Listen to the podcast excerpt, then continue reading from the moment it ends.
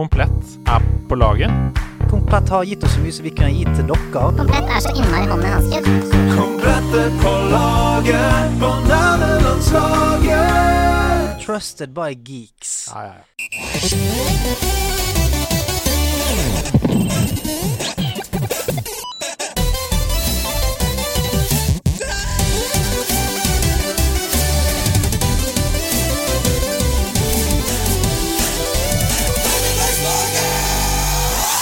Det stemmer, folkens! De er tilbake! De aller, aller beste menneskene dere vet om. De kan snakke, de kan synge, de kan få deg til å lage gåsehud når det er skummelt om kvelden. Og ikke minst så elsker de alt som har med nerderier å gjøre. Vi snakker nerdelandslaget, og for å starte dette ballet så tar vi inn ildsjelen, mannen som oljer maskineriet, mannen som er det dunkende hjertet til hele landslaget. Ta vel imot Andreas Hedemann! Hey! Nei, vent, da. Det var ikke riktig. He, he, heia Outcast. Outcast. Outcast, Ja. Bare at det var på vår melodi.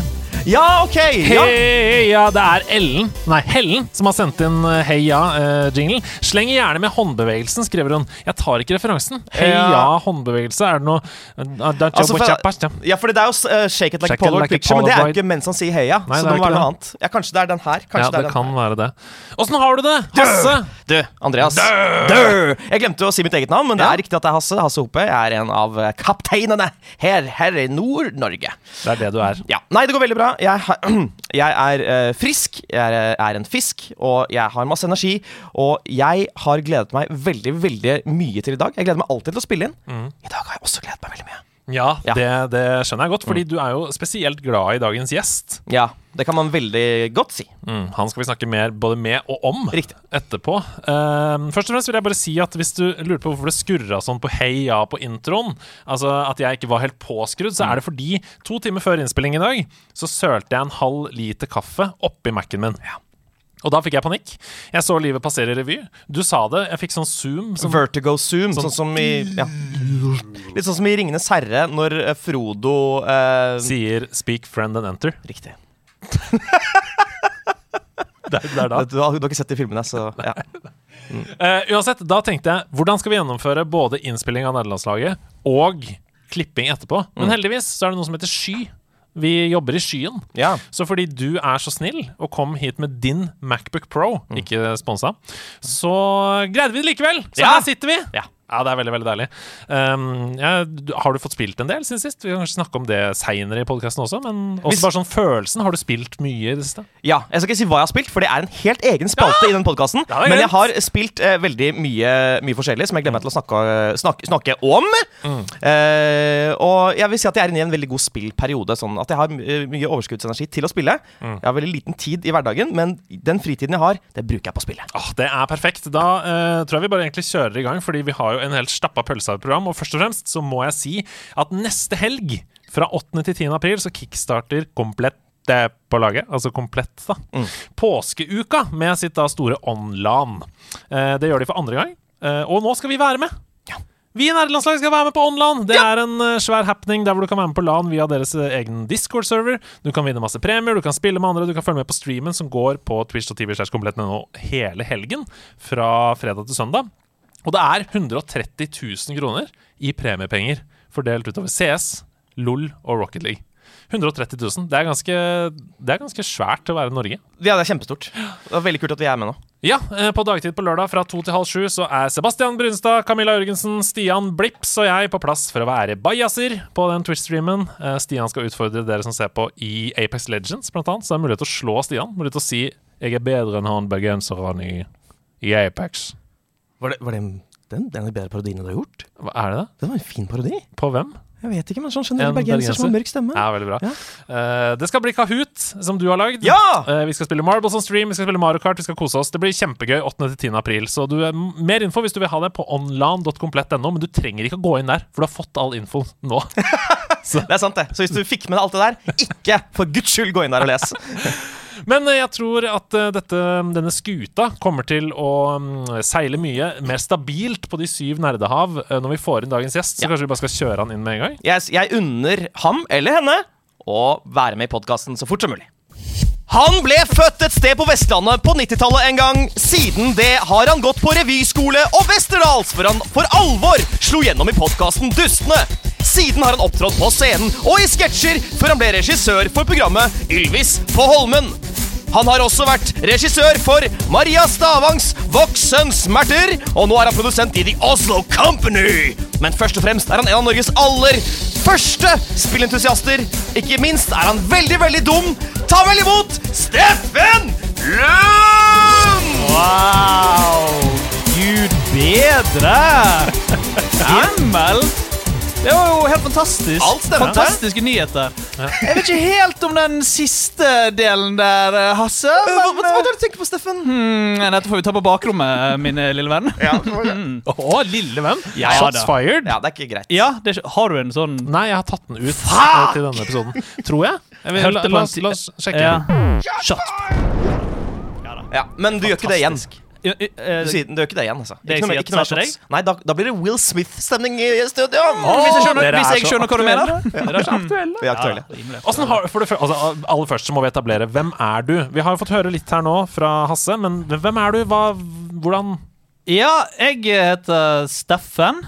Ja, Nei det er et veldig fint navn. Eh, Takk. Jeg har faktisk Jeg har bare møtt én annen person i hele mitt liv som også heter Steffen. Ja, Oi. det er veldig vanlig. Eh, nei, hvem faen er jeg, da? Altså, jeg, jeg er fra Bergen. Jeg har ruller Ja. og ikke skarrer. Ja, Og det er veldig forvirrende for mange. Fordi Ja, det jeg tror mange- mange lurer jo på hvor du er fra, fordi de klarer ikke å plassere deg. Mange, det er veldig mange som tror jeg er Ronny Brede Aase. Å ja, som tror du er det? Bare Ja. ved å høre deg, eller ved å se deg òg? Ser meg òg, dessverre. Men eh, jeg eh, Nei, jeg er veldig glad i dataspill. Ja. Jeg er jo liksom eh, Ja, jeg har holdt på med standup i mange år. Mm. Uh, lenge siden jeg har gjort det nå, men gjorde det mye før. Og var sånn jeg ble kjent med Hasse Typ, kanskje. Ja. Mm. Og så møttes vi bare når jeg skulle av bussen en gang. Så sa bare Hasse du må være gjest på Dustene en gang. Mm. Mm. Og så har jeg vært på Dustene en del ganger. Ja. Han er rett og slett den som har vært flest ganger gjest i Dustene, som da var den podkasten jeg hadde med Fanny Våger og Magnus Devold. Back in the days. Og Ja. det er jo et kvalitetsstempel. Det vil jo si at de ønsker deg tilbake. Som med, med andre ord har gjort at du har gjort et utslettelig inntrykk da på de andre programlederne. Ja, man kan vel kanskje si det, ja. Mm. Eh, det har vært veldig Ja, det, har vært hyggelig, det. Og det er nok der jeg er hvis jeg, hvis jeg skulle vært kjent for noe som helst, så er det nok der. Jeg har blitt kjent igjen én gang på gaten. Og det var når jeg var på platekompaniet med min bror, og vi drev og tittet i hyllene der på ting, og så fant jeg litt sånn obskure d- DVD-er som jeg ville ha. Så stod jeg og nerdet masse om de og fortalte om Å, men det er den regissøren, den skuespilleren, og bla, bla, bla.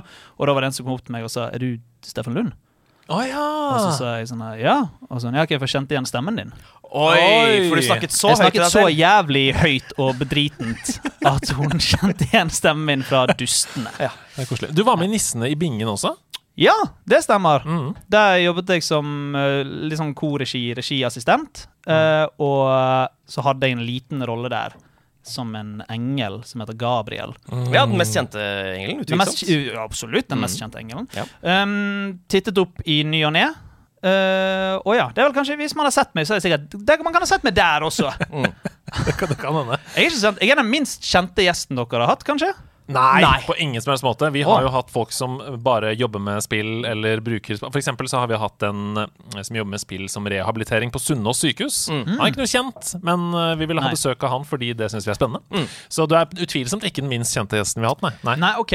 Og så vil jeg bare si, altså, eh, Det er mange grunner til at, at vi har lyst til å ha deg som, som gjest, Steffen. For meg, i tillegg til at du står mitt hjerte nært Jo, takk skal du ha. Se. jeg Du sendte, jo, du sendte jo melding allerede i sesong én til meg og Jeg spurte om du kunne være gjest.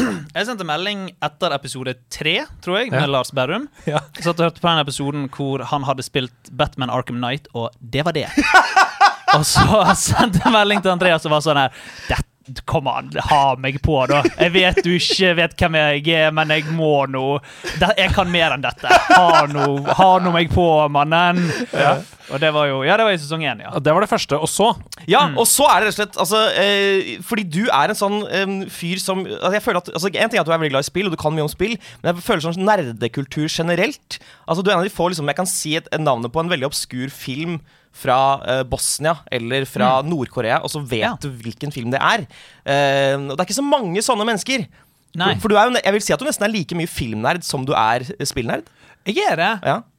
Jeg tror liksom jeg har blitt mer spillnerd de siste årene. Mm. Det har blitt liksom min go to-ting å gjøre etter jobb, og for å slappe av, ha det gøy. Åh, det er musikk i mine ører. Ja, ja, ja. ja, ja. ja, ja, ja I tillegg til musikk, selvfølgelig. Det er også musikken dine ører. Må- Men uh, ja, veldig glad i film, veldig glad i nerdeting, dataspill. Eh, alt det måtte være. Mm. Og vi som sitter her, og de som hører på, de lurer jo selvfølgelig som alltid på Hvor kom denne interessen fra, Steffen Lund? Hvor var ditt første møte med spillmediet? Mm. Første møte var Første møte var eh, Jeg var altfor ung for å spille det. Ikke fordi det var voldelig, men bare fordi man kunne umulig forstå det. Men det var Monkey Island 2. Og det uh, hadde min onkel Jeg snakket om det, onkel. har alltid Ja, du ting. også! Alt, yes, en onkel. Hvorfor? Ja, Denne teorien altså, den holder vann. Ja, absolutt. Han hadde Monkey Island 2. Jeg spilte på disketter. Måtte bytte. eh, på en gammel Windows-maskin. Husker ikke hva det var. Men eh, det var jo selvfølgelig et spill man brukte flere år på å bli ferdig med. At man skjønner jo, skjønner jo ikke, man skjønner jo ikke hva som skjer. Men det var figurer på en skjerm, og du kunne trykke, og den figuren bevegde seg dit. Og mer enn det trengte jeg ikke. Nei. Riktig. Hvem likte du best av LeChuck og Guybrush? Uh, jeg, jeg likte nok Guybrush best, men det var bare fordi det var han jeg tilbrakte mest tid med. Eh, men utenom det så syns jeg eh, han der um, eller hva heter Wally. Er det Wally han heter? Han som sitter med monokkelen. Jeg syns alltid det var en veldig gøy puzzle. Den monokkelen han tar av, det og klø seg i øynene, og da må du stjele monokkelen. Spoiler. Spoiler alert! Jeg beklager at du spoiler. Monkey Island 2 fra 1992 eller 1. Det var ikke meningen. Men det, jeg må jo si det er en ganske sånn hipstrete vei inn i spill. Altså jeg føler ofte at liksom, Det første man husker fra spill, er liksom Super Mario Bros. eller Sonic. eller et eller annet sånt. Dette er jo et litt sånn uh, highbrow spill, vil jeg si. da Eh, ja, kanskje. Vi hadde Vi fikk spillkonsoll veldig seint. Aldri vært en Nintendo-gutt. Oi Eller Nintendog. Jeg vet ikke hva de assosieres med, de som er glad i Nintendo. Nei, de kaller det Nintendogs. De kalles Nintendog, sant? Det er det, det ordet. Ok, Jeg har aldri vært en Nintendog. Jeg har vært en PlayStation-dog. Uh, vi fikk PlayStation 1 Vi fikk PlayStation 1 eh, eh, på sent 90-tallet, og Ja. da, var det, da hadde vi Crash Bandicoot 2, vi hadde Ape Escape, og vi hadde Medieval. Oi! Det er en fin trio. Ja. Riktig. Det Fin var trio. eh, og, og, og Medieval var sånn, litt for ung for å spille. Jeg syntes det var litt spooky. Har litt Ja. spooky elementer i seg, det spillet. Men, eh, men eh, senere i tid så ble jo Medieval en av mine absolutt favorittspill. Har det blitt remastera, eller har det kommet til nye har, versjoner? ja, det har det. Det er helt riktig, Hasse. Det har fått, Det ble litt slakta da det kom, var det ikke? Den jo, jeg tror ingen Jeg elsket det selvfølgelig. Mm. Og Medieval er et sånt der comfort-spill. Jeg tror jeg spiller det en gang i året. Ja, det, Det har en sånn et sinnssyk nostalgifaktor, Ja. og jeg mener det er jævlig bra. Også når denne remaken kom, og jeg elsket det. Jeg bare, å, shit, dette er fantastisk Og så anbefalte jeg til venner av meg bare sånn, å, nå kan dere endelig spille det spillet som jeg elsker så mye. Og så spiller jeg, og så er jeg sånn OK, dette er jo ikke et bra spill. Og så er jeg sånn Fuck. Kanskje de er inne på noe. For det er jo mange som har sånn Nintendog de, Vi som er Nintendogs det er Nintendogs, Ja. ja. så klart. vi, vi har jo f.eks. Super Mario 3 eller Super Mario World eller sånn, Ja. som vårt comfort-spill som vi spiller på hytta en gang i året. Og vi drar fra den gamle boksen og søker støv av og putter den i det. Ja. Men uh, Medieval, ja. Mm. Altså Hvorfor ble du ingen Nintendog? Var det din onkel? Var det foreldre som pusha PlayStation? Var det hva Det var, det var bare det at Ja, det var egentlig bare vi bare hatt PlayStation i hus. Ja. Har hatt alle PlayStationene, men eh, det var naboer som hadde Nintendo. Ja, og du, hadde, Eh, du var ikke venn med dem? Du hata dem? Jeg hatet de Ja. uh, som uh, pest. Nei, nei Nei, jeg likte de naboene mine som hadde Nintendo. ja. Men jeg dro, nei, men jeg alltid syntes eh, det var Nintendo 64 hadde naboen min, og den der jævla M-kontrolleren. Sorry, guys, men den er jo helt ubrukelig. Wow! Ok, trykk, trykk på shots fired! Vent. To sekunder. Er Er det- er det ille å si at Nintendo 64-kontrolleren er ubrukelig? Hey. Nå, nå gjorde du det igjen. Ja, ja, men Men, men hæ?! Men, eh, er det argumentet for at den er god? Nå kommer han bort. Ok, Ah, Hasse, Will Smith. det er Will- oh, oh, det er Will Smith-stemning i studio! å, å, å, Nei! Hasse Smith har nettopp slått til! You put that controller out of your fucking mouth! Hey, man! It's just a joke. Just a joke, man. Ok. All right. Nei, I, I, will! ja. I will put that controller out. Nei, men hvorfor liker du den ikke? Altså, en eh, sannhet er jo at analogstikken eh, blir sliten fort og blir ødelagt. Men For hvordan skal du holde den? For du har tre håndtak, og vi som mennesker har tre hender. Nei, nei, to hender. sånn sett er det helt rett. det er derfor han hater den kontrollen. Han har tre hender Hender, hender, hender, hender. Nei, men det er jo det som er så deilig med den. Valgmulighetene er enorme. Du kan Ja. bytte grep underveis. Du kan eh, kose deg. Jeg syns det er et tegn på svakhet. Jeg syns det er et tegn på at Nintendo og uh, Reggie og uh, Reggie fiser meg at de ikke klarte å bestemme seg for uh, hvordan de skulle ha kontrolleren, og de da måtte lage den på den måten. Jeg syns det er et tegn på svakhet. I'm coming for you, Reggie. Han jobber ikke i Nintendo lenger, så jeg tror Nei, det, det får du til. GameStop? Er det det han gjør? Nei. Det er Ok, full Jeg i hvert fall ikke. Nei. Eh, men de hadde jo disse C-knappene på Altså de fire gule C-knappene oppe i venstre hjørne, som på en Ja. måte er analogstikke 2 i dag, for de styrte du jo kamera med. Eh, I hvert fall i Super Mario 64. Ui, ui, ui, Bytta du vinkel. Uh, I Zelda så var jo det slått, så der kunne du putte dekunøtt, du kunne putte forskjellige ting på Ja. de fire stikkene. Men hvorfor snakker vi om Nintendo når han ikke er en Nintendo? Nei, hvorfor skal vi prøve å Skal ikke prøve å overbevise deg om at du skal bli Nintendo-dog? Du skal få være PlayStation-dog! Men altså, jeg må si at jeg i, i senere tid, når jeg eh, fikk meg en uh, Wii U, og den hadde et fint sånn eh, bibliotek av gamle Nintendo-spill, Ja. da spilte jeg jo Super Mario 64 og Banjo Nintendo. Banjo Kazooie, og jeg, jeg syns de spillene er veldig kule, og jeg skjønner hvorfor folk liker de. Mm. eh, og gøye og fargerike. Spesielt de der gamle Rare-spillene. Ja.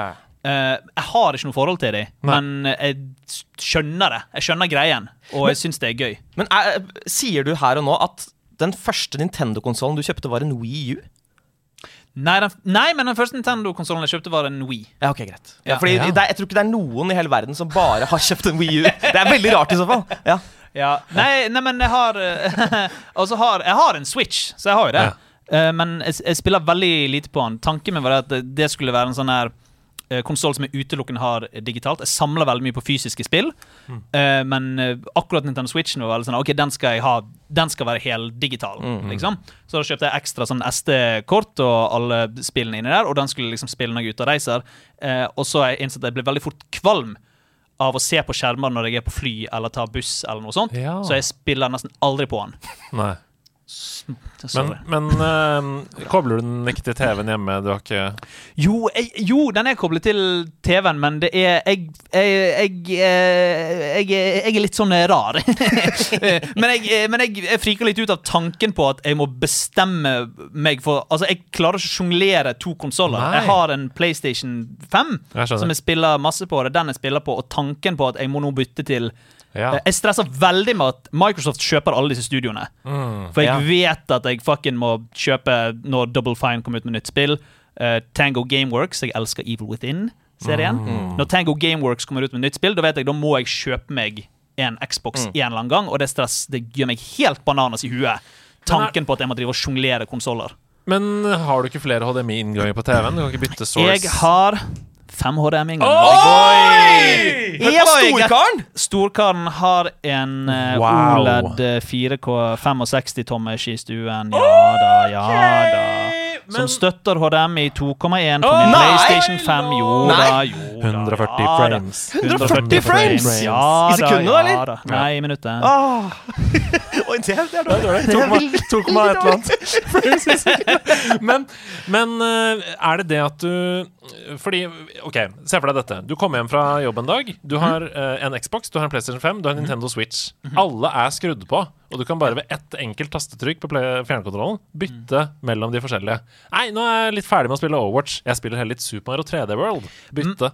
Ja, jeg, jeg, jeg skjønner hvorfor det høres ut som en eh, dataspilldrøm. Eh, en- en- en- en- men eh, jeg syns det høres helt forferdelig ut. Eh, Ja. Jeg må være fokusert på ett spill om gangen. Åh, det er veldig sunt og lurt, Ja. tror jeg. Jeg tror det, det har noe med at jeg hater å ikke fullføre spill. Og det, Åh! det, det er veldig mange spill jeg ikke har Bra. fullført, liksom, når, jeg- når jeg Jeg husker det var når God of War og Nino Kuni 2 tror jeg Oh, kom ut sånn ja, ja. relativt samtidig. En sånn og fucking Ja, Detroit Become Human, God for Nino Kuni 2. Alle de tre kom ut med ett måneds mellomrom. Mm. Og så, på den tiden, så ventet jeg, for jeg hadde lyst på en PlayStation Pro. Så jeg sånn, jeg vil spille de spillene jeg har fått meg en PlayStation Pro. Fikk en PlayStation Pro, kjøpte alle, eller fikk de eh, bursdagsgave, alle sammen. Og da drev jeg og sjonglerte på de. Tok evigheter å bli ferdig med de. Mm. Jeg må være fokusert på ett spill om gangen. Ja. Du skal få svare godt på et spørsmål som har kommet inn på korktavlen eh, senere i dag, som, Ja. som handler om dette. Men okay, eh, før denne sesongen så tok vi jo noen grep med dette gjesteintervjuet. For vi snakka om sånn Ja, ganske mange har de samme spillhistoriene. Vi er, vi er jo ganske like gamle, alle som er her. Så vi, vi har heller bedt gjestene om å velge seg ut tre spillopplevelser som Mm. sitter liksom personlig dypt for gjesten. Og det trenger ikke være de beste spillene som vedkommende har spilt i historien, men bare spill som man har en historie knytta til. Så hva har du tenkt på her, Steffen? Ja, jeg, eh, jeg har jo på en måte snakket om én av de, og det, var, eh, det er jo Medieval. Det, Ja. denne, det er noe veldig sånn nostalgisk med det. Det er comfort food-spillet mitt. og Det spiller jeg spiller i hvert fall én gang om året. Men da kan du få lov til å bade litt mer i det. Fordi Fortell litt om gameplay. Fortell om de som, de som ikke kjenner til Medieval-spillet. Ja, de som ikke kjenner til Medieval. Ok, så Medieval er et spill som er et slags sånn kjærlighetsbrev til gamle eh, skrekkfilmer og skrekktroper. Eh, veldig inspirert av gamle Universal Monster-filmer og liksom Tim Burton, som var litt mer sånn moderne, i hvert fall på den tiden, for et spill kom ut på 90-tallet. Um, og du spiller som sir Daniel Fortescue. Uh, det er en, uh, en trollmann som heter Sarrock, som vekker en hær av døde til live. Og for han skal ta over uh, Gallowmere, som er dette kongeriket vi befinner oss i. Lite vet han at eh, helten sir Daniel Fortescue kom aldri til The Hall of Heroes, som er et etterliv for alle heltene som har dødd i kamp, fordi at sir Daniel Fortescue løy om at han var en helt. Han bare faket det.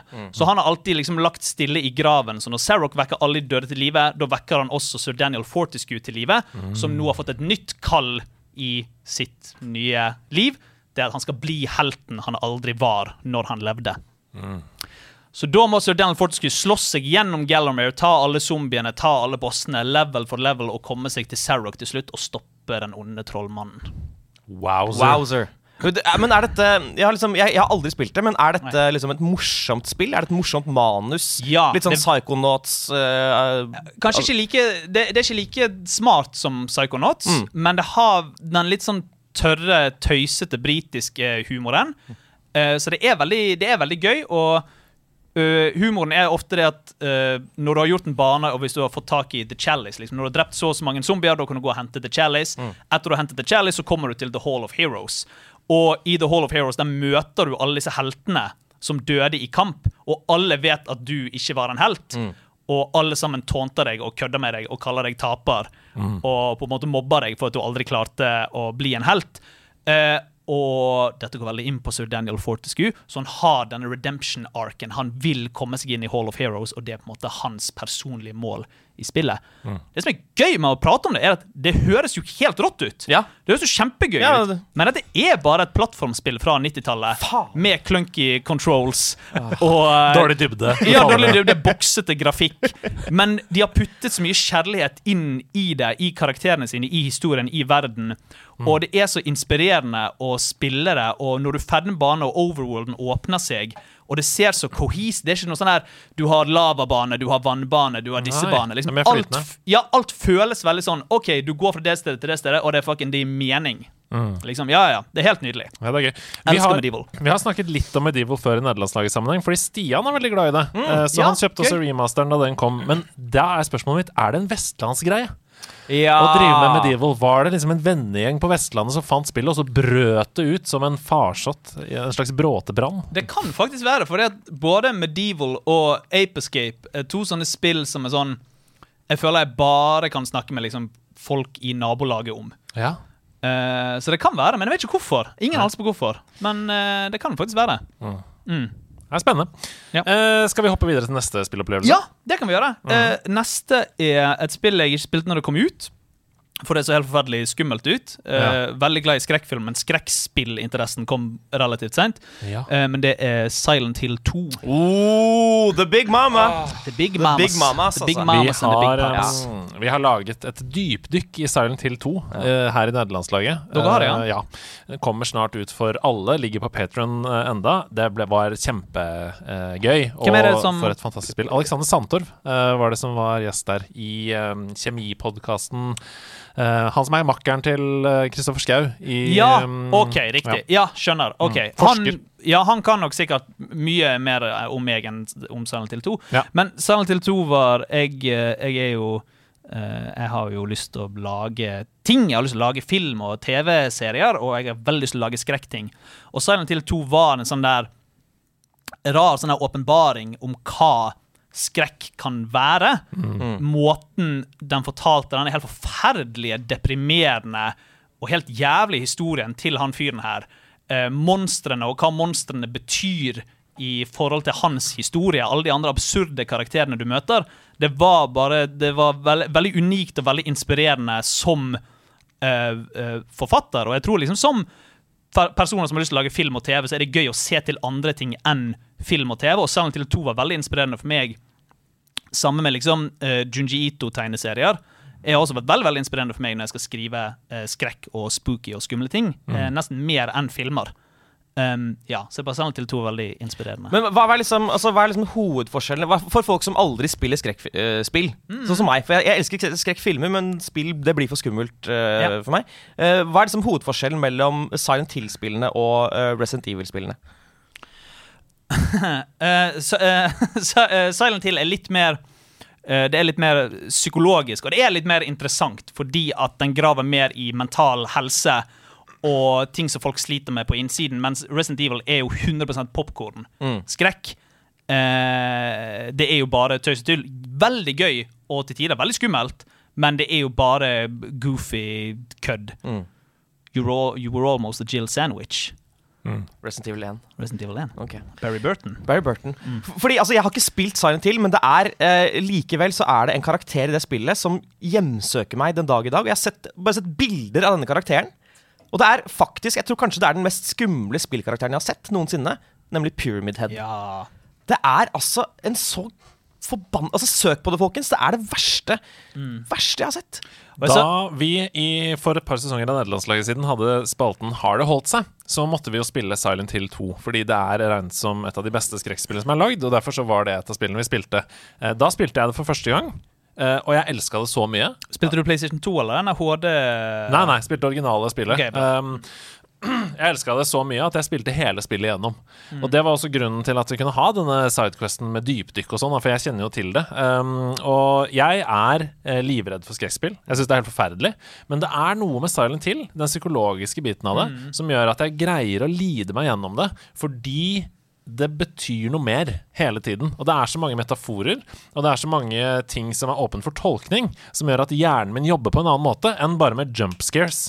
Um, som jo Resident Evil eksempel er veldig gode på, og som jeg blir uh, helt uh, fucka av. Som Ja. jeg ikke orker. Ja.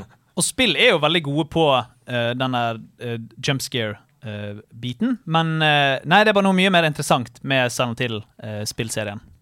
Absolutt. Og Pyramid Head er jo, som du sier, helt forferdelig. Eh, veldig mye sånn ja, Jeg må nesten gi en liten uh, trigger warning, fordi uh, Silent Hill 2 um, snakker mye om seksuelle overgrep. Oh, ja. Eh, og eh, Pyramid Head har en slags fallossymbol, som er dette store sverdet som han eller, mm. som han, driver og drar etter seg. Og veldig mange Hvis du har tenkt Og å Cloud fra Final Fantasy 7 er bare Hvor er sverdet mitt? Pent! Hvor er Buster Swordet mitt? Og dette blir, dette blir litt sånn uh, veldig temposkifte, men hvis du skal, Sorry. hvis du skal spille Silent Hill 2, Ja. uh, så er det ja, det er som sagt en del seksualisert vold og overgrep som pågår i det spillet. Ja. Eh, og Pyramid Head er en av de som overgriper seg på eh, litt uskyldige eh, kvinner, f.eks. Ja, ikke sant. Så det er, ja, det er et forferdelig spill, men også Helt- et helt eh, veldig vakkert spill i all sin morbiditet. Da, og man føler seg som et mye mer sånn helt menneske når man er ferdig med det på en eller annen måte. Det er så gøy at vi snakker om Silent Hill 2 på denne måten, for vi må også huske at en av sluttene i Silent Hill 2 er jo hundeslutten. Oi, den har ikke jeg fått. Hva skjer da? Oi! OK! OK! okay. Ja. La oss snakke om hundeslutten i Silent Hill 2. Ja. Jeg kan spoile Silent Hill 2 fra 2001. Jeg vet jeg ikke fikk lov til å spoile Monkey Island 2 fra 1991. Men Nei, du må få lov til å spille det. Nei, spoile det. Ja. Nei, men ok, men det er jo ikke en canon-slutt. Det er en køddeslutt. Det er sånn her Jeg, jeg vet ikke eh, måten for å komme seg til det. Jeg gjorde det når jeg fulgte en guide en gang, men Du må ha spilt spillet i hvert fall tre ganger, tror jeg.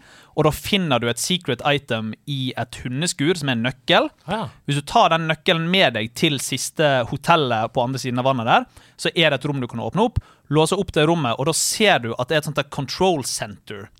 Og så ser du sånn kart over eh, byen, over Silent Hill. Ja. Og så ser du liksom bilde av James Sunderland nede i hjørnet hvor han beveger seg, og så zoomer de ut, og så er det en sånn Chiba-hund ja, som sitter og drar i spakene. Og så, kom, og så kommer James inn, og så er han sånn Så det var deg hele tiden! Og så faller han til knærne, og så kommer hunden og slikker han i ansiktet. Og så kommer rulleteksten, og rulleteksten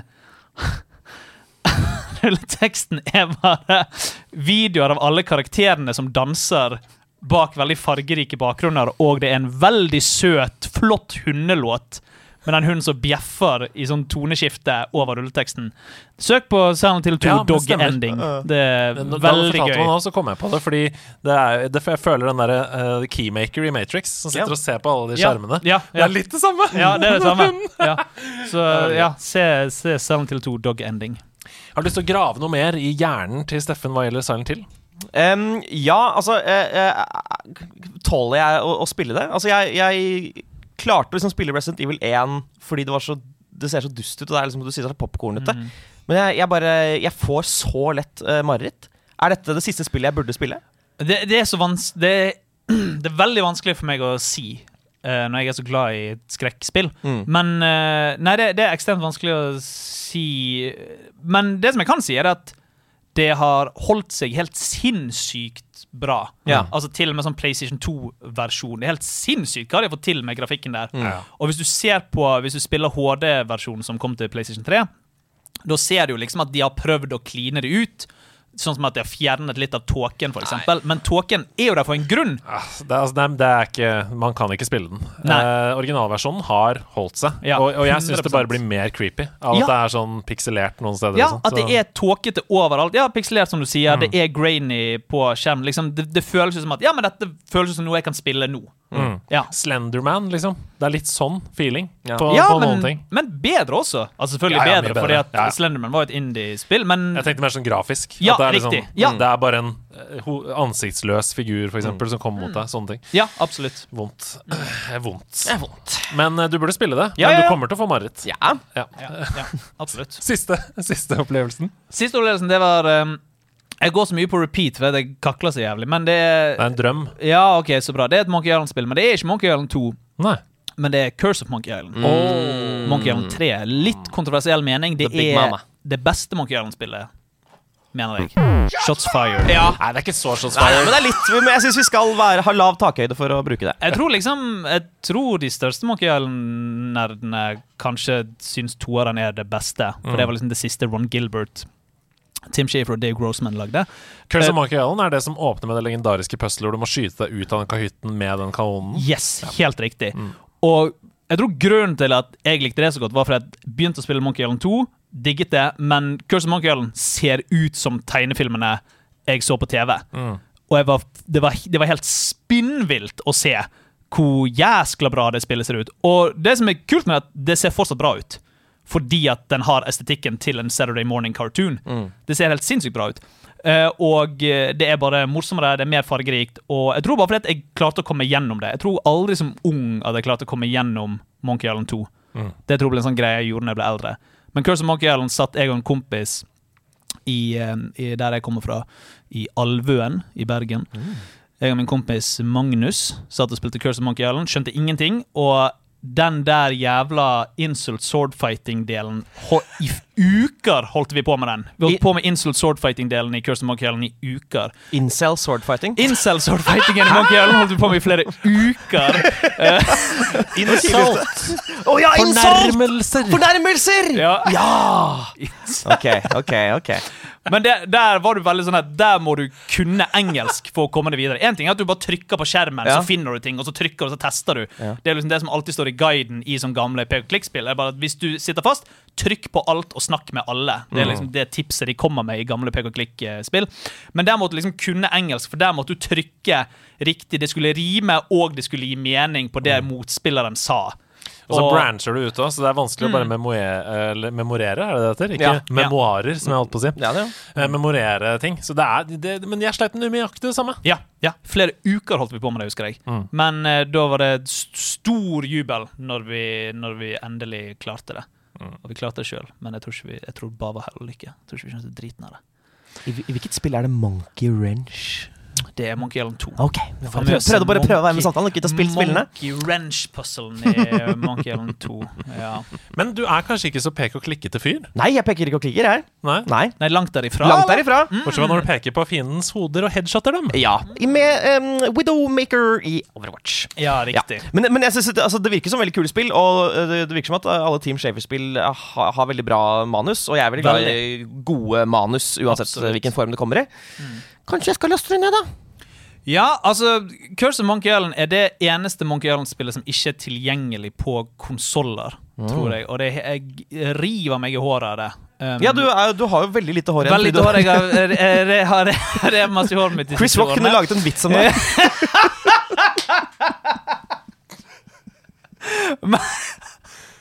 Øh,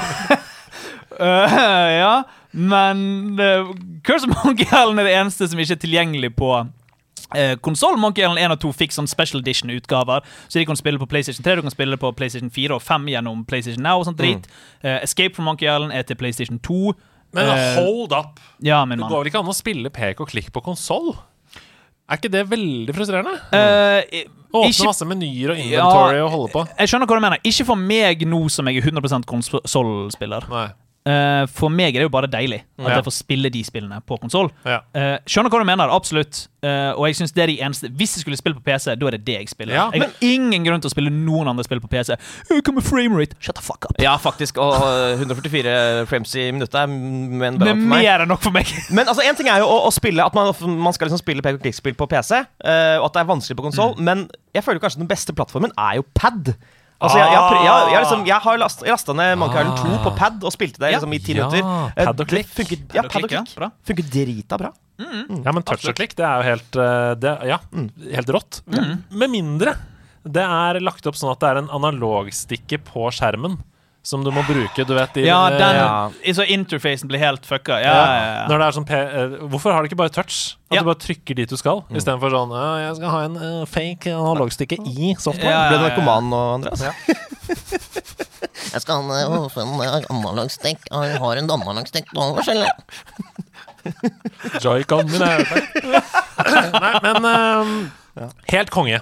ja. Uh, Monkey Island, det var den tredje. Curse of Monkey Island, vel å merke. of Island. Men det var, jeg skulle bare si kjapt, så jeg vurderer veldig å kjøpe uh, Steamdeck. Ja! Fordi at jeg har hørt at Steamdeck skal også komme med en dokkingstasjon. -hmm. Så jeg har vurdert å kjøpe Steamdeck utelukkende fordi at det kommer en dokkingstasjon, sånn at jeg kan spille lovlig Curse of Monkey Island og naturlig på TV-en min. Ja. Interessant. Vi, vi driver og prøver å få tak i en Steamdeck, for vi må jo få anmeldt det og snakke om det her i nederlandslaget. Det er jo en stor revolusjon, og mange ønsker seg det. Um, men blir du ikke forvirra da? Eh, Fordi du må jo bare ha én om gangen. Du kan ikke koble til flere ting til TV-en. Jo, jo, jeg kommer til å bli gal av det. Men det er den eneste måten å, som jeg har tenkt på nå. Jeg hadde jo Dette kan for så vidt blipes ut, for jeg er ikke noe for det i det hele tatt. Men jeg fikk liksom hacket min Nintendo Wii Ja. til å ha Scum VM. Ja, ja, Så ja. han kunne spille de gamle pay-click-spillene, hvor jeg kunne spille Curse Monkey Island med fucking uh, joy joysticken. Oi. Peke på TV-en. Det er jo en perfekt opplevelse. Ja, men det føltes ufattelig møkkete. Ja. Fordi at jeg var veldig sånn Ok, her gjør jeg noe jeg ikke skal. Det føles ikke godt å sitte og spille dette. her Det var ikke ikke jeg- dette å ville. det var ikke dette mye mot å ville. Det var, dette, det var ikke dette her uh, jævla LucasArts ville. Nei. At det skulle Eller kanskje de egentlig ville det. Ja, tenk om han Ja. slet med å betale uh, huslånet sitt akkurat den måneden. Mr. Lucas? Nei, Miyamoto. Ja, Miyamoto. Mm. Ma- Åh, Mas- Masse. Master. Mustafi. Ja, ja. Ok. Har du noen andre gode historier eh, knytta til spill opp igjennom? Er det sånn Ja, jeg husker den gangen jeg var på Amazon-skolen, så fant jeg et tomt spillcover, så var det 2000 kroner inni. Jeg har, noe jeg har noen gode historier. I hvert fall noen historier som jeg syns er gode. Ja, fortell. Uh, uh, ja, her kommer de på løpende bånd. Ja, det, ja, det er for at du spør, min gode mann. Ja, Det ja, er derfor de kommer. Men Det er derfor jeg ønsker meg dem. Ja, ok, så klart. Uh, det er veldig høflig. ja, absolutt. go- Gode sør. Konnissør. Eh, vi er jo spillkondisører, hele gjengen. Hvis jeg har skjønt det uttrykket. Um, det, er en, det er en litt nyere historie, da. Jeg føler alle gamle historier er bare 'jeg var liten, så jeg likte det'. Ja, men det er helt riktig. Ja, Godt oppsummert. Mm. Takk skal du ha. Høres ut som 130 episoder med nederlandslaget. Ja, det er litt det. Selvironi. Det er bra å ha. Eh, men det, 2018, Resident Evil 2-remaken, Ja, veldig bra. ekstremt bra. Uh, så Resident Evil 2 Remake kommer ut. Gledet meg lenge til det. Uh, dra på platekompaniet, kjøpe det. Ja. Eh, Så du ikke følge opp den ja-en? nei, jeg tok det tilbake. Okay. Uh, jeg tror ingen la merke til det. Jeg tror ingen la merke til hele den greia. Men jeg tror jeg kjøpte Resident Evil 2, og så kom jeg hjem. Jeg og samboeren min Aurora vi hadde spist middag, og så sier jeg til henne at jeg vil gjerne spille dette. Nå høres det ut som jeg må spørre om å få lov hver gang. Trenger ikke helt at Hun unner meg veldig at jeg spiller spill hele tiden. Men jeg sier at jeg har lyst til å spille Resident Evil 2, og så er hun sånn, ok, greit, det kan du gjøre. Og så sitter hun og jobber på datamaskinen sin. Så kommer liksom den første cutscenen med han som kjører i bilen, spiser hamburgeren og hører på liksom på radioen at uh, There's zombies out on the street. Og han er sånn oh, Sounds like my wife. Som er den første, er det sant? Ja, den første replikken i Resident Evil 2 er at han, du hører på han legger There's zombies in the street, og så sier han oh, Sounds like my wife. Og så spiser han en hamburger. Og så ser Aurora dette, og så begynner hun å le. og så ler vi sammen, og så kommer liksom første greien hvor du er Leon og skal til den bensinstasjonen, og så er det veldig spooky, og så begynner hun liksom sakte, men sikkert å liksom ta vekk datamaskinen sin. Aurora blir ferdig med skoleoppgavene. Og så sitter vi og spiller Resident Evil 2, og så fant jeg ut at det er det perfekte backseat gamerspillet. Ja. Fordi eh, Aurora spilt spill når hun var yngre, Sims, uh, sånne type ting, men hun liker ikke så godt å holde i kontroll om å spille 3D-spill. Eh, når du ikke har spilt mye, så skjønner jeg det 100% men hun liker å se på, så vi har spilt mye sånn Detroit Become Human, de type Ja. spillene. Men det er ikke så gøy for meg å sitte og spille. Jeg ble litt idiot i hodet av å bare spille sånn hele tiden. Men det som var gøy med Resident Evil 2, var det at det ble en sånn der greie hvor vi liksom går til en dør. Det går ikke an å åpne døren når du trenger den grønne nøkkelen. Så kommer vi oss videre i spillet, så finner vi den grønne nøkkelen, og vi begge blir sånn OK! Vi vet hvilken dør den skal i! Og da er det så opp med kartet, og så går vi begge bort til TV-en, og så er vi sånn OK, nå må vi planlegge ruten. Hvor skal vi gå hen? Og så vi går der, fordi det er lukket opp den snarveien der. Og så er hun sånn Ah, men fuck, du må huske, det var tre zombier der du ikke skjøt. Så, ah, OK, fuck, jeg har altfor lite ammo. Å, men det er ammo der borte. Så, OK, da går vi opp der, og så lager vi en sånn rute sammen. Og så sitter vi oss ned, og så spiller vi gjennom, og så spiller vi gjennom den ruten. Stor jubel. Og det er liksom sånn her eh, det, det Bare den interaksjonen der har liksom vært en av de beste spillopplevelsene å dele med hun, da. Og det ble en sånn tradisjon.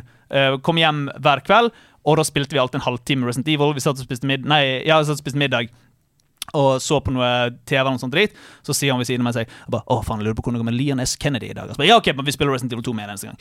Og øh, ja, det var en fantastisk spillopplevelse som du kan dele med to stykker. Hvis den personen ikke liker så godt å sitte og spille spill sjøl.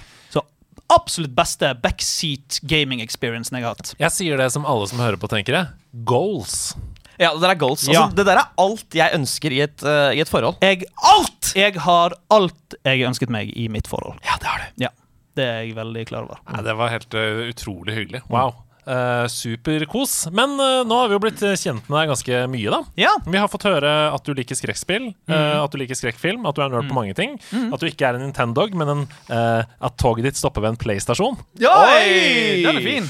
Um, men hva spiller du nå? Nå, Hvis du tenker oppsummerer de liksom fire siste ukene, for jeg hører at du har spilt veldig mye, så det, er ikke, det trenger ikke å være liksom fra jul, men Nei. hva spiller du nå om dagen, liksom? De fire siste ukene har jeg vært en viss tarnished in the lands between. Har du spilt det?! Er ikke det sykt? Er ikke det sykt at jeg har spilt Elden Ring?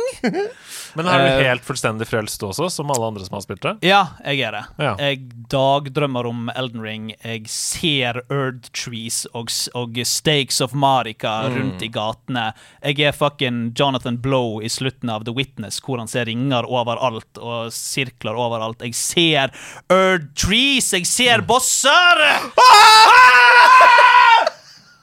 Forferdelig. Health bars kommer Stakkars opp. deg. Dodam! Health bars kommer opp. Jeg angriper folk på gaten. Har du gått til legen? Har du fått medisin? Ang jeg drepte legen min! Nei! Du må ikke si det på lufta! Å, unnskyld. Ja. Nei, men jeg er- dilla på Elden Ring. Jeg er simpelthen Elden Ring-dilla. Jeg lurer da på følgende. Ja. Hvilken level har du, hvor mange timer har du spilt, og hvilken klasse startet du med? 141 level. Um, spilt i 93 timer. Jeg er en vagabond. Men det skal sies, det går helt greit at du gjør det. For jeg tar ikke meg sånn. Jeg tar litt nær. Jeg skal, faen, jeg skal slå deg ned i trynet etterpå, Hasse. Shots fired. Ja, men jeg er helt enig. Eh, Kommer bort og banker deg etterpå. Eh, men jeg er veldig dårlig i de der Soul-spillene, og spesielt RPG-elementene i det. Ja. Ja, Jeg får helt noia av de tallene. det skjønner jeg okay. så godt. ja, jeg skjønner ikke driten av det. Er du redd for å velge feil? Ja, jeg er litt redd for å velge sånn? feil. Ja. Jeg er det. Og det er ofte jeg begynner på en Questline, og så kommer jeg i enden av Questline, og så er det sånn her Nei, nei, du må ha faith level 40 for å kunne Mm. bruke dette her. Og så er jeg bare sånn her Fucking hell, faith level 8, baby. Ja, det er sånn, Ja. eh, Du kan ikke eh, investere 32 poeng i det treet for å bare kunne bruke det ene. Nei, det er litt det. Jeg vet at du kan dra til hun der dama med rebirth. Ja, du kan rebirth, du kan stekke om, Ja, jeg vet det, jeg ja. vet det. Og jeg har gjort det to ganger for å ta en boss, hvor jeg, re, hvor jeg stekket om, tok bossen, og så løpte tilbake og gikk tilbake til min strength build. Men, men, men ja. Nei, jeg er veldig glad i Elden Ring. Mm. Ikke rundet ennå. Nei! Nei. Ikke rundet ennå. Jeg er på jeg, Du har ikke begynt på det, eller? Nei da. Jeg Nei, har for jeg hørte eh, for noen episoder tilbake at du skulle begynne på det. Ja, og så kom eh, Tiny Tina's Wonderlands. Jeg Ja. har jo anmeldt både Gran Turismo 7 og uh, Destiny 2 The Witch Queen, og Ja. nå Tiny Tina's Wonderlands de siste ukene. Så Mm. det har um, redaksjonen har vært full av, uh, av de spillene. Og Jeg kan ikke spille, det, fordi både Hasse og Sebastian nekter å spille noe annet enn Elden Ring. Ja. Så da hadde vi vært helt lamma som redaksjon Ja, hvis ja, jeg hadde også det. hadde Nei. spilt. Vi må ikke bli helt level up her. Nei. Shots for fired. Det uh, Ja. Ja. Nei, men jeg skal begynne å spille det snart, men det Ja. kommer vi tilbake til. Uh, Mm. Hva er det som er så genialt med det? Jeg tror det som er det som tror, jeg, jeg, har spilt en del FromSoft-spill. Bloodborne elsker jeg. Mm. Elsker Bloodborne, og, men jeg hater å dø. Jeg, jeg liker ikke Dark Souls-spillene. Sorry, guys, men jeg liker ikke Dark Souls-spillene. Og jeg skjønt grunnen til at jeg liker Bloodborne, er på grunn av denne HP Lovecraft-estetikken. Ja. Jeg syns Bloodborne er det mediet som har perfeksjonert uh, HP Lovecraft uh, sin ideologi når det kommer til horror. Kan du, fordi jeg, kan du, jeg vet hva det er, men kan du bare forklare lytterne kjapt hva er liksom Lovecraft? Uh... Greit, så H.P. Lovecraft var en forfatter vi ikke burde støtte i det hele tatt, for han hadde ekstreme meninger. Eh, men når det kommer til hans ideologi rundt skrekk, så står han bak det kjente sitatet eh, The strongest emotion eh, known to mankind is fear. The strongest kind of fear is the fear of the unknown. Og fear of the unknown var det han alltid lagde skrekk rundt. Så det var veldig dyp eh, sci-fi eh, skrekk. Cthulhu-aktige Cthulhu, riktig, Cthulhu er jo HP Lovecraft, og den der eh, Og det ble en, sånn, en egen sjanger, Lovecraftian skrekk, som ble den der Fear of the Unknown. Og Bloodborne er jo 100% det. Mm. Masse tentakler, masse Ja, riktig, ikke sant? Og selv om Bloodborne ikke bruker noe av verkene til HP Lovecraft, så har de tatt den ideologien hans, sammen med liksom Edgar Allan Poe og sånn type uh, horror, eh, og bare fucking perfeksjonert det. Og det er derfor jeg elsker Bloodborne. Derfor kom jeg gjennom Bloodborne. Men det var lenge hvor jeg ikke gjorde det, for det var så forferdelig vanskelig. Ja. Men aldri fullført ett eneste Dark Souls-spill. Fullførte ikke Sekiro, selv om jeg kom til siste bossen. Det stoppet der. Samme Demon Souls-remaken. Kom jeg til siste bossen, stoppet der. Ja. Hæ? Er- Hvorfor vil du ikke ta siste bossen? Det er for vanskelig for meg. Og, det er, altså, Og den siste ja. bossen i Demon Souls kan eh, Jeg vil ikke være stygg i språket, men han kan komme seg til helvete ut. Jeg blir stygg allikevel. nei, nei, Jeg nei, beklager. nei, nei. Det sier du ikke. Unnskyld. Men var den så stress, da? Nå Ja, jeg, veldig- jeg, syns, jeg syns det. Han har jo denne ene attacken hvor han tar tak i deg og Ja. sluker et helt level Ja, det er sant, det. fra deg. Og når han gjorde det Voff, snakkes aldri! Ja, fordi det, Snakkes aldri! Ok, Ha det bra! Ha det bra, Demon Souls på PlayStation 5! Men her OK, ringen er sluttet. Fordi jeg uh, skjønner godt hva du mener. Jeg er en Nintendog. Ja, det er du. Jeg vokste opp og spilt masse masse plattformspill Mario eh, i oppveksten. Dør hele tiden. Ja. Fordi det er grusomt vanskelig. Så jeg har nok vokst opp med en tålmodighet for å dø. Mm. Sånn at jeg døde jo også på siste bossen i Demon's Souls, men bare gikk og begynte en gang til. Så jeg er ikke så veldig god i de spillene, men jeg grinder det ut helt til det går, istedenfor å rage-quitte. da. Som jeg kan se for meg at uh, vi som er Nintendogs, har mer skjold mot. Den er, den er fin. Ja, og jeg tror liksom Men det er det som er problemet med Demon's Souls det som er problemet med Sekiro, er bare det at jeg, jeg slutter å ha det gøy. Ja, ja Fordi men det at, nei, men det er også noe med at jeg vet at dette er det siste. Det Ja. er ikke mer etter dette. Mm. Det er en cutscene, liksom. Ser men- du den på YouTube, da, eller? Uh, ja, det har jeg gjort begge gangene. Ja. Ja, men altså, bare fordi at Unnskyld. Bare fordi Bare fordi at bare, Det eh, OK. Uh, jo, det er bare fordi Ja, det er det siste igjen. Jeg vet Ja. det er det siste igjen. Jeg har tatt alle de andre bossene. Jeg vet det er det siste igjen, så jeg får ikke så jævlig mye ut av å klare den egentlig. Øh, og da kan jeg helt fint se resten på YouTube. Jeg var sur. Og så er det andre elementer. Hvis jeg begynner å spille noe annet, da har jeg mistet det. Det er umulig for meg å gå tilbake til Demon's Souls nå og prøve å ta King Alant eller hvem faen det er. Men det er også derfor jeg ikke kan spille noe annet enn Elden Ring nå. For jeg vet at hvis jeg hopper på noe annet nå, så kommer jeg til å miste det.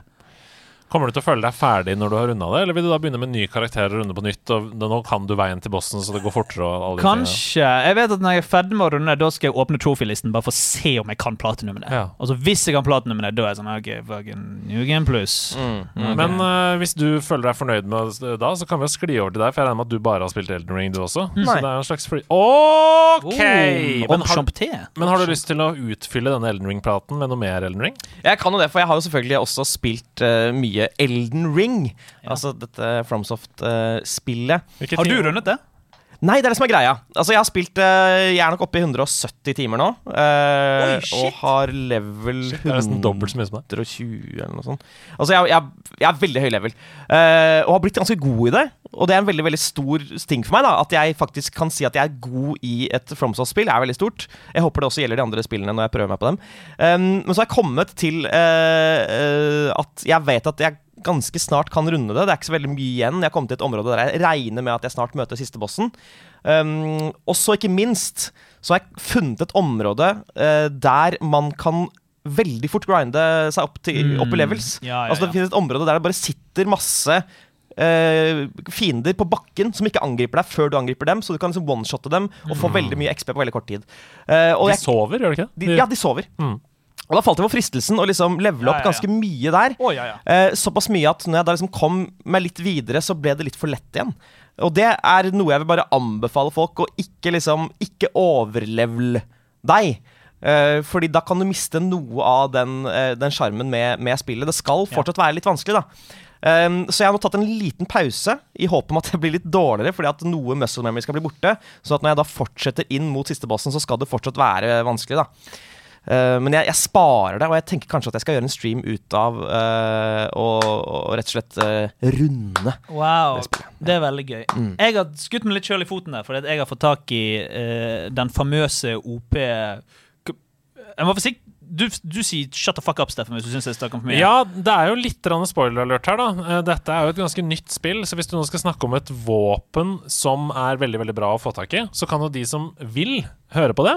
Og de som ikke vil, de kan hoppe 30 sekunder fram i episoden. 30 sekunder. Takk skal du ha. Jeg tenker også uansett at altså, Så lenge du ikke sier hvor man finner det Nei, det har jeg ikke tenkt å gjøre. ja, jeg skal si at jeg bruker Mimic Tear, Ja. som jeg har pluss 10. Levelet Ja, ok, the ja. fuck up. samme her. Men nå er jeg på en boss som har den irriterende funksjonen hvor hvis bossen treffer deg, så får den bossen livet sitt tilbake. Ja, så, det, du, så du har ikke Det er Så hvis jeg bruker Mimic Tear, og Mimic Tearen min ikke er smart, så slår den bossen Mimic Tearen hele tiden og får livet sitt tilbake. Ja, Så jeg kan ikke bruke Mimic Tearen min lenger. Jeg må klare det alene. El problemo. Det er ja, det er første gang på flere timer, og jeg sliter noe jævlig, for jeg har hatt det ganske enkelt med Mimic Tearen min. Mm. Så jeg sitter fast. Spennende. Ja. Men ja, når tror du at du kan få til dette? Vi har jo Streamingkalenderen vår er jo tom som et vondt år, den. Nei, tom som så- vondt år. jeg, eh, jeg drar til eh, Uniten i et par uker eh, nå på mandag, Oh. så det blir etter det. Eh, og da kommer, bli, da kommer jeg til å være enda dårligere, og det er bare oh. bra. For streamingen er det veldig Det lurt. blir gøy. Etter påske, folkens. Ja. Hasse Hope runder Elden Ring på stream. Det er planen. Så det, så det tatt en liten pause i det, og så har jeg heller begynt med noe annet. Fordi nå har jeg jo på en måte f Gjennom Sifu og uh, Elden Ring så har liksom min kjærlighet for singleplayerspill uh, vokst eh, opp igjen. Jeg har vel på en måte vært en sånn competitive multiplayer-fyr nå i mange mange år pga. Overwatch og diverse andre spill. Mm. Um, og så eh, så jeg at Telltale kommer jo tilbake nå. De skal jo komme med The Wolf Among Us 2. Jeg hadde, Ja. ikke, jeg hadde ikke spilt eneren. Så jeg har liksom begynt å, å spille uh, The Wolf Among Us 1. Og det er, det er helt fantastisk. Mm. Ja. Eh, elsker det. Jeg har, liksom, jeg har spilt eh, eh, Walking Dead-spillene deres, som jeg syns er helt nydelige. Og Wolf Manges utrolig kul law. det er jo basert på en tegneserie, og det er bare døds, dødsgøy, liksom. Mm. Så det vil jeg anbefale alle å gjøre i eh, vent, påvente av at uh, Wolf of Manges 2 kommer. Spille eneren. Hva sa du nå? Spille eneren. eneren. Ja. Spille eneren. Ja. Så det gjør jeg. Og så kommer jeg nok til å spille litt flere Telltale-spill, for jeg har fått litt uh, sansen for det nå. altså, igjen. Da har jeg et kjempegodt tips til deg, min gode venn. For okay. jeg har nemlig spilt mer Tell Me Why Oh. uh, siden sist. Og Tell Me Why det er jo det spill fra Don't Nod, de samme som har lagd uh, Life Is Strange. Yeah. Dette er et episodebasert spill. Jeg er nå ferdig med to av tre episoder av det spillet, og det er kjempebra. Mm. Det er kjempebra. Uh, jeg vil si det er et slags Og det er så gøy at du sa dette nå nettopp. Jeg ante ikke at du skulle si dette, Mm. men dette er et slags must play for de som liker Life Is Strange og The Wolf Among Us. Er det har jeg det?! skrevet i, i, i, manuset her. Um, og de gamle Telltale-spillene. Det er jo et spill der hvor du går rundt, og valgene du tar, får konsekvenser, og karakterene forholder seg til det på uh, forskjellige måter og sånn. Men det som er fint, er at det tar um, transseksualitet på veldig alvor. Ja, for jeg skulle spørre om det var det spillet med transperson i Ja. hovedrollen. Ja. Eh, på en måte som gjør at jeg Jeg har snakka om det før i nederlandslaget også. Får øynene opp for en del problematikk som jeg ikke uh, visste om før. Og det er jo eh, produsert i samarbeid med eh, transkjønnede. Så det er kjempebra og veldig veldig gøy. Og historien er også fengslende. Ja. Eh, og der hvor f.eks. i Life Is Strange så har man jo et sånt eh, triks som man kan spole tilbake i tiden. Alle disse spillene har jo en sånn overnaturlig ved eh, hovedrollen. Her er det jo da to søsken, og deres overnaturlige egenskap er at de hele tiden kan høre hverandre inni hodene deres. Så det vil si at hvis du står i et uløselig problem overfor en person, så kan du drøfte med din med søsken før du tar en avgjørelse, fordi vedkommende hører jo ikke det dere hører. Wow, Veldig kult! Er, er Tell Me Why i Life is Strange-universet? Nei, det er det ikke. Uh, men det er inkludert i GamePass. Oi! Xbox, anyone? Xbox anyone? Ja. Nei, nei. Men kan jeg bare spørre om en ting? I, i, for jeg har snakket litt om, med folk om dette med både altså, homofili i spill, rase i spill og uh, transseksualitet i spill. Uh, er det på en måte En ting er at det er en karakter som er det, men er det på en måte noe som eh, går inn i handlingen veldig? Eller er det bare at det er et transkjønn person som, som, spiller, som er i spillet, og som gjør greia si? på en måte? Er det et stort tema? Dette har vi jo også snakka om før, at um, det er veldig viktig med representasjon. At bare folk får lov til å være transkjønns, f.eks., uten at det blir en stor greie i spillet. Men her er det en stor greie. For um, uten at dette er noe kjempestor spoiler, så er det sånn at moren til vedkommende uh, hatet vedkommende. Fordi vedkommende eh, hadde, var transkjønt. Eh, så det er på en måte et slags krimdrama som spill, springer ut av um, ja, dette eh, dette problematikken knytta mm. til å oppdage at man ikke er 100 seg selv. um, ganske tidlig. Så det, men jeg føler heller ikke at det er noe sånt at det er bare plassert sånn for at det skal liksom være woke. Det er ikke sånn i det hele tatt. Altså, det er, et, det er narrativet bygger rundt det. Derfor så er det eh, troverdig og meningsfullt. Ehm, vi må videre, så et annet spill som er inkludert i GamePass, som jeg har spilt denne uka, er The Gunk. What?! The Gunk! Jeg har What? sett det. Det er vel sånn tegneserie, cartoony looking eh, The Gunk det har jeg også spilt noen timer denne uka. Det er et spill som føles som om Super Mario Sunshine møter Luigi's Mansion. Ja, de to store. store Nintendogsene. Ja, ja, ja, Du spiller som en slags astronaut da, som går rundt med en slags støvsugeraktig ting på en eh, fremmed planet og støvsuger opp The Gunk. Og The Gunk det er en slags guggeaktig greie. Et virus som korrumperer den planeten som du er på. Um, det er et puzzle-plattformspill som du ifølge How Long To Beat, som jeg pleier å bruke for å se hvor langt eh, tid spill tar å runde, kommer gjennom på sånn fire-fem timer. Så jeg kommer nok til å runde det i løpet av uka. Jeg har spilt det én gang og er vel da sånn cirka halvveis. Jeg spilte et par-tre timer. Um, jeg syns det var en veldig digg avkobling. Det er bare liksom løse noen puzzles, plattforme litt rundt, uh, åpne denne verden litt mer og mer etter hvert som du får sugd opp mer gunk, uh, og komme deg videre. Så det, hvis du har lyst på en liten sånn bite-sized plattformspill-puzzle-opplevelse, så tror jeg The Gunk er fin. I hvert fall hvis du har GamePass, for det er jo inkludert. Ja. Så, Kan jeg stille spørsmål om GamePass? Mm. Forsvinner de spillene etter hvert? eh, ikke hvis du har eh, lagret dem. Alright, så, de så du kan laste de ned, sant? Det er ikke sånn cloud, du streamer det ikke? Nei, det kan du også hvis du vil. Alright, Men Du du, kan kan, laste de ned sånn at du har de Ja. Ok, ok, Men- Og da er de på maskinen din? Ja, jeg kan ikke skjønne noe annet enn det. Jeg har i hvert fall ikke opplevd at noe har forsvunnet. Og jeg, men jeg kan ikke si dette 100 sikkert. Nei. Men øh, jeg vet at de forsvinner fra GamePass. Ja, ja, ja. Ja, men ikke, ikke de spillene som uh, Microsoft 100% eier selv. De Nei, blir de vil jo sikkert alltid være der. alltid liggende der. ja. Ja. Absolutt. Eh, til slutt så har jeg spilt latterlig mye Tiny Tinas Wonderlands.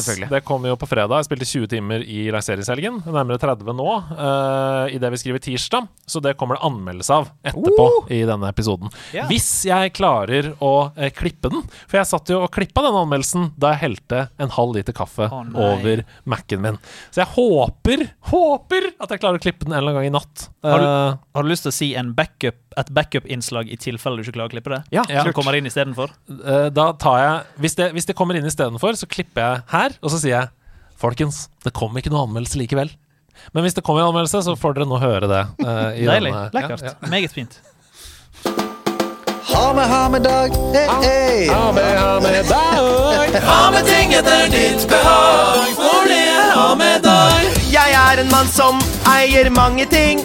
Mange ting. Jeg eier en blomst, og jeg eier ingen ring. Ingen Men jeg har en bukse, og jeg har et par bøker. et par bøker. jeg kan snakke om den masse. Det må du ikke tvile på. Til venstre for meg sitter vesle Steffen Lund. Det kommer mange deilige ting ut av hans munn. Men hva har han tatt med seg? Det gjenstår nå å se. Jeg er skikkelig spent på det, for det jeg har med deg. Wow! Gud bedre. Er du ikke flinke på å improvisere? På ekte så er dere det. Ja! Oh, jeg syns dere er det, jeg. Du Jeg, har en enorm Helly Hansen-bag ved siden av deg. jeg har det. Eh, ja. det har jeg. Uh, OK. Du sa jeg kunne ta med Jeg spurte, jeg sendte melding til deg i går, Andreas, og sa jeg klarer ikke å bestemme meg hvor mye jeg skal ta med. Hvor lang tid har jeg på meg? Og så, og så sa du at det holder hvis det er med én eller to ting. og så sier jeg OK, greit. Det var det jeg skal, ja, og så sier jeg, ok, dette skal jeg prøve. Jeg har tatt med deg som jeg syns går under kategorien én og to ting. Ja, det er bra. Jeg er veldig spent. Eh, jeg drar fram noe av det første. Det er helt greit. Eh, nå sipper han opp Helly. Hansen-bagen. Det går helt fint. Kan Vi kan forklare det her som skjer. Det er altså en blå bag med to oransje hår på. Mm. Eh, den er meget stor, så det må jo være noe Enten så skal han direkte på ferie til f.eks. Røros, Ja, det tror jeg. eller så har han bare fylt den med eh, veldig store nerdeting. Uh, oi, den er tung òg, ja, for han må drive og løfte den. Uh, hva tror du det er, Hasse? Jeg tror kanskje det er en bil. Ok, så jeg vet jo at Andreas, du Vi, vi samler på litt av det samme. Oi, det er spennende. Ja, for jeg vet at du også samler på vinyl-soundtrack. Ja! Videospill-vinyl-soundtrack. Og det er noe som jeg begynte å samle på de siste årene. Jeg har en liten samling Og jeg bare tok med meg eh, et par av mine favoritter. Åh, Tenkte jeg kunne vise fram Gøy, da om det er noe gøy. Mens du finner de fram, så kan jo jeg snakke om eh, noen av mine favoritter. Jeg liker f.eks. Untitled Goose Game. Det var det du som Ah, sa til meg at jeg måtte kjøpe. Og det, vinylen er så genial, fordi side B-siden er på en måte random. Mm. Akkurat sånn som uh, musikken i Untitled Goose Game er. Du vet ikke om du får det ene eller den andre, fordi rillene Altså, den uh, nåla dyttes ned i den ene eller den andre rillen. Det, det begynner å være veldig greit. Uh, dette er Bloodborne-soundtracket. OK! Fra Laced Records. Viser deg sånn. Se på dette! Er det noe I som- vinyl. Ja, ja, det er nydelig. Kommer Chatten nydelig frem. gøy. Chatten sier sier se chatten. wow. Wow, se chatten. Oi, oi, oi! opp, nå opp. Det er Jarnum! Det er Dobbel old vinyl, det er! Yarnum. Mm. Wow. Vi har snakket veldig mye om Bloodborne. Vi har snakket Ja. veldig mye om Bloodborne Vi har snakket litt om Bloodborne Ja. Jeg trenger ikke snakke så jævlig mye Nei, mer nei, om den er veldig pen. Veldig Men pen. denne liker jeg veldig godt. Musikken er også veldig Ah, stemningsskapende. musikk, fantastisk musikk i det spillet. Mm. Og det er jo det som er greia med alle disse platene. Musikken er så god. Jeg kan se for meg at Når Steffen våkner i helgen og steker noe egg til sin samboer, så setter han på Bloodborne-musikken og sier han, ah, nå er det helg, sier hun. Men Ja! det, det har vi gjort. Goals. Silent Hill 2 Å, herregud! fra, fra Mondo er dette. Denne fikk jeg av eh, kjæresten min, Aurora, til jul et år, tror jeg. Den ser veldig eksklusiv ut. Ja, men det er det som jeg har tatt med noen litt eksklusive ting fra samlingen min her. Wow, Silent den er Hill 2. vanskelig å få tak i. Ja, det tror jeg. Ja, den er meget den er meget god. Se chatten. Mm, den Ja, den er Spiller du den når du våkner opp på søndag og skal lage litt eh, egg og Bacon, bacon, til dama? Uh, bacon og egg ja, til dama. Mm. Ja. Mm. Uh, siste jeg har med, da. Å, den er tung. Og Undertale!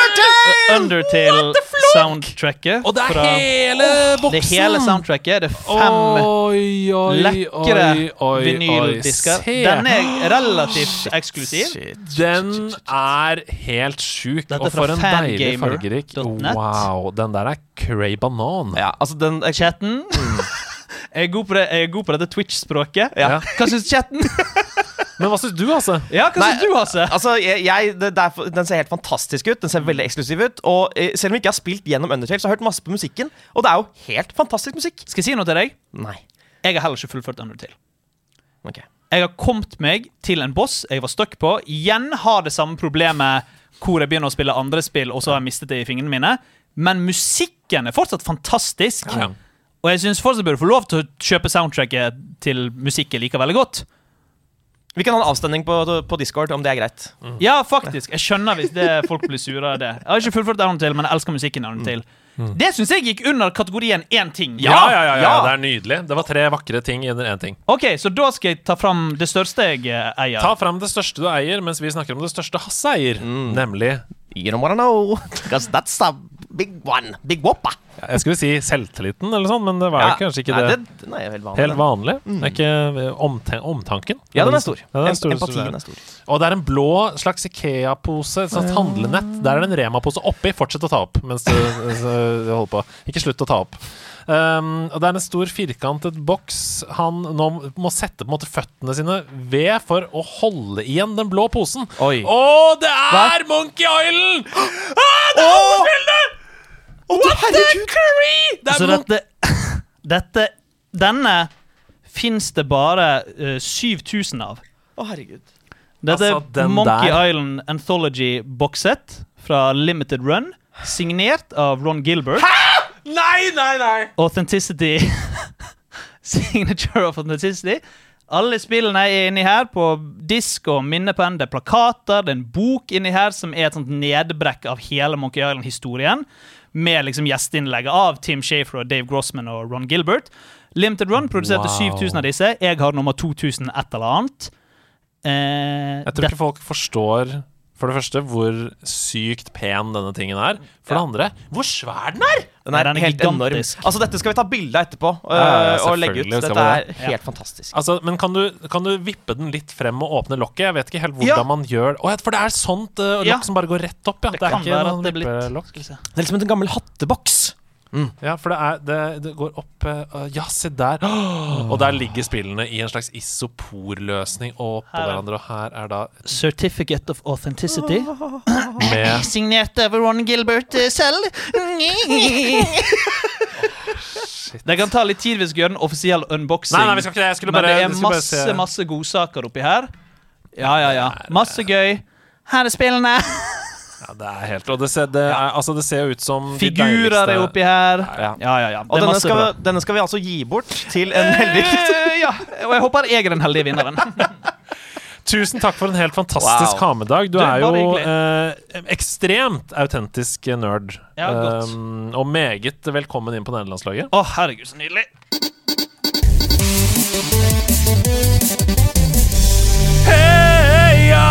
Mitt navn er Andreas Hedemann, og dette er Nerdenytt.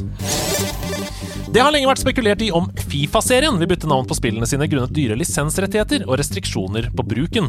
Prisen har visstnok steget til så mye som 8,5 milliarder kroner kun for å benytte seg av Fifa-navnet. Og det er dette som har presset frem endringen. Ifølge VentureBeat-journalisten Jeff Grubb så ser det nå ut til at de har landet på en ny tittel. Det nye navnet blir Football Club, eller EA Sports Football Club, for å ta med EA-delen også. Skal vi overføre dette til andre idretter, blir f.eks. NHL hetende EA Sports Hockey Club. Vi får smøre oss med tålmodighet for å finne ut av om dette stemmer. I forrige uke skrudde Fortnite av byggingen i spillet som et eksperiment, og nå kan det se ut til at denne blir fjernet helt. Reddit-brukere som har undersøkt koden i spillet, har funnet ulike elementer som refererer til en no build battle royal-modus. Ved å fjerne denne mekanikken kan det virke som om Epic nå innser at Fortnite-merkevaren er såpass sterk som et enestående battle royal at de ved å fjerne byggingen, som gjør terskelen ekstra høy for skyteglade spillere, kan virkelig ta markedsandeler fra konkurrenter som Apex Legends og PubG. Fortnite er nå i en posisjon der konkurrentene bør skjelve i buksene, og ut fra hva vi kan se, så tas endringen svært godt imot fra både spillere på nerdelandslaget og rundt omkring i verden. Det har vært rettet en del kritikk mot Gran Turismo 7 etter lanseringen, som vi også diskuterte i nerdelandslaget. Men nå har Polyphony gjort en rekke nye endringer på spillet etter spilleropprøret den siste tiden. Premiepengene er satt opp, flere endurance races med høye premier er lagt til i spillet, begrensningen på spillernes lommebøker er hevet fra 20 til 100 millioner, og biler du har i garasjen skal nå kunne selges. Med andre ord er alt som spillere var frustrert over, rettet opp. og verden går tilbake i balanse. Det er godt å se at Polyphony tar ansvar når de gjør feil, og også såpass raskt. Ok, Ukas hovedsak det er Sony sin GamePass-konkurrent. Som vi også har diskutert eh, tidligere. Um, jeg hadde forberedt en hel spalte her nå hvor vi skulle kommentere på Bloomberg sine rykter knyttet til denne lanseringen. Men tror du ikke at halvannen time før innspilling, mellom mitt kaffesøl og at vi sitter her nå, så kom nyheten. PlayStations GamePass kommer i juni. Å, herre min hatt. Og de la det ut offisielt på sin egen blogg, så det er ikke noe annenhåndskilder, dette. Det er direkte fra PlayStation. Den tjenesten den skal kombinere PlayStation Now, som er den eh, betalingstjenesten de har nå, og PlayStation Plus, som er det online hvor du får noen spill i måneden, og tilby da brukerne ulik mengde innhold av moderne spill og klassikere, delt opp i tiers. Så tier 1 den heter PlayStation Plus Essential. Den er helt lik som PlayStation Plus i dag, eh, og koster det samme som i dag. 85 kroner i måneden, eller 580 for et år.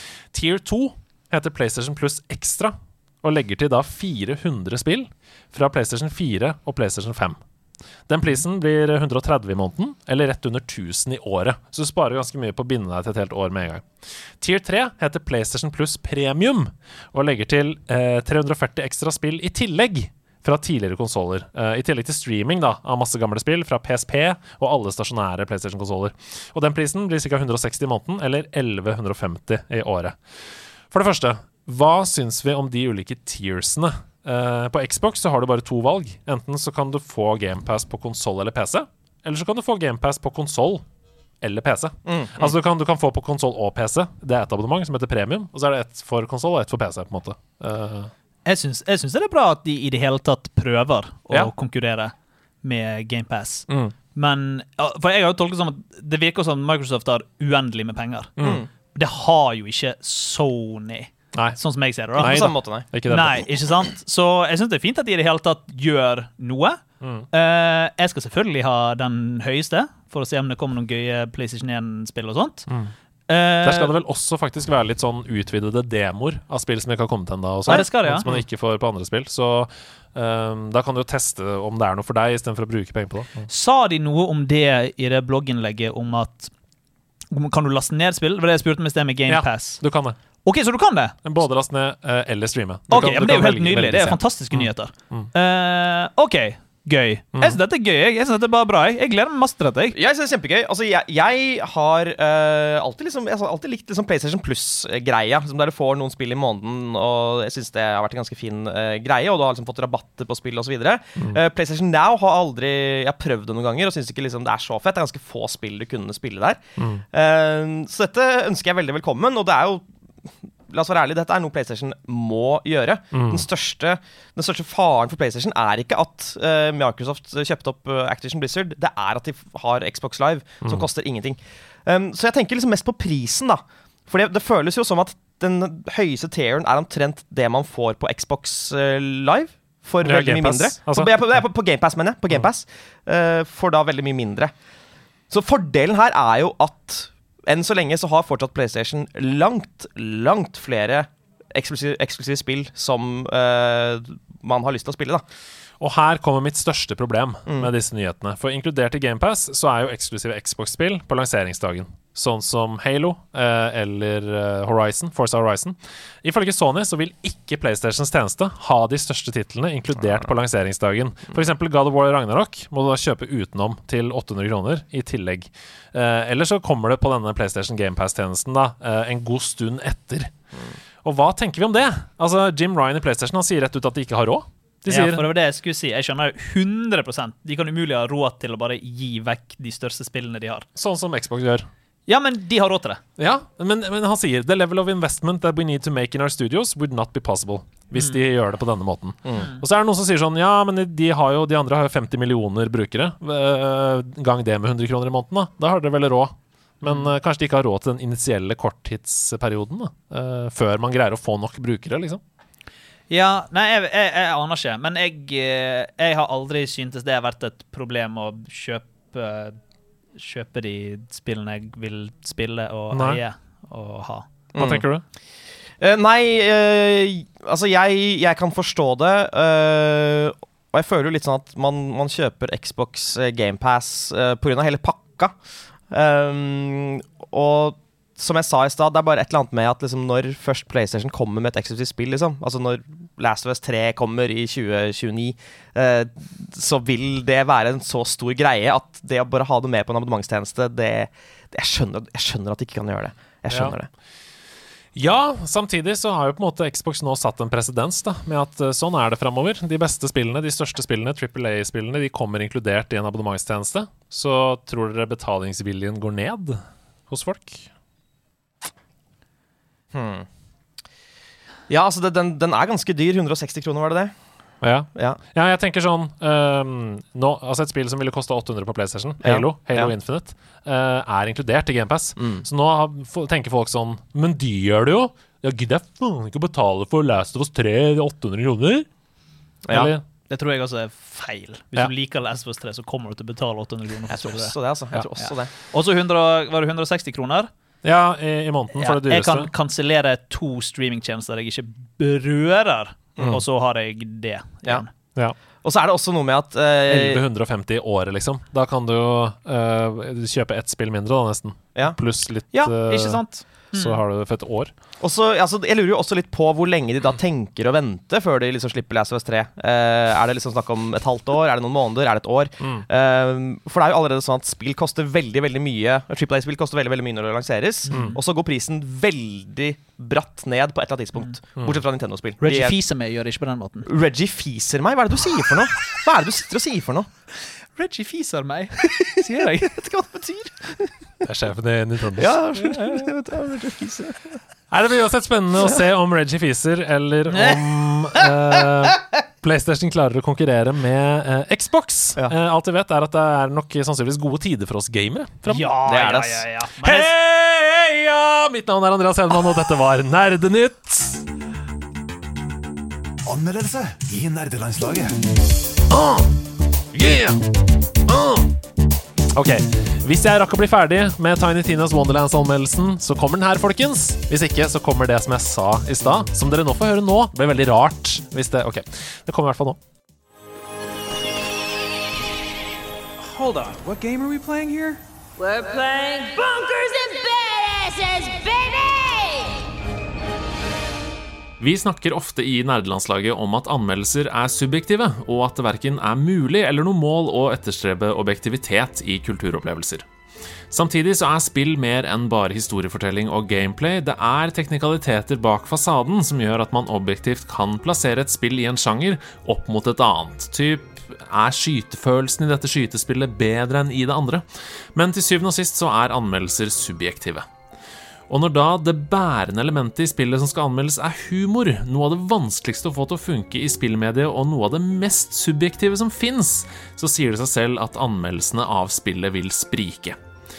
Tiny Tinas Wonderlands er laget for å få deg som spiller til å le, og dersom du ikke gjør det, så er det en betraktelig dårligere opplevelse. Men jeg, jeg ler meg i hjel.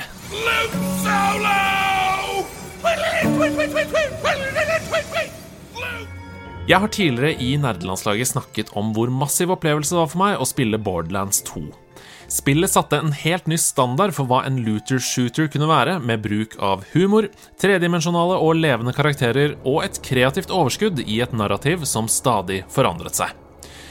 Det beste innholdet i Borderlands 2 det var delscenen Tiny Tinas Assault on Dungeon Keep, der karakteren Tiny Tina tok kontroll over narrativet som en dungeon master, og gjorde hele opplevelsen om til et rollespill med deg i hovedrollen. Det at Gearbox bestemte seg for å ta denne delscenen videre og bygge et helt univers rundt den, ønsket jeg derfor hjertelig velkommen, med en litt ubehagelig klump i magen. For der Borderlands 2 var godt balansert i teithet, så ble Borderlands 3 litt for plumpt. Vitsene satt ikke like godt, og spillet tok seg selv litt for høytidelig. Jeg var redd for at dette skulle vaske over i Wonderlands også, men heldigvis, bekymringen var fullstendig ubegrunnet. A single villager remains alive in the carnage. But she look bad, baby. She looks like she's about to die. Might as well save her peasant ass. Thank you for saving my peasant ass, stranger.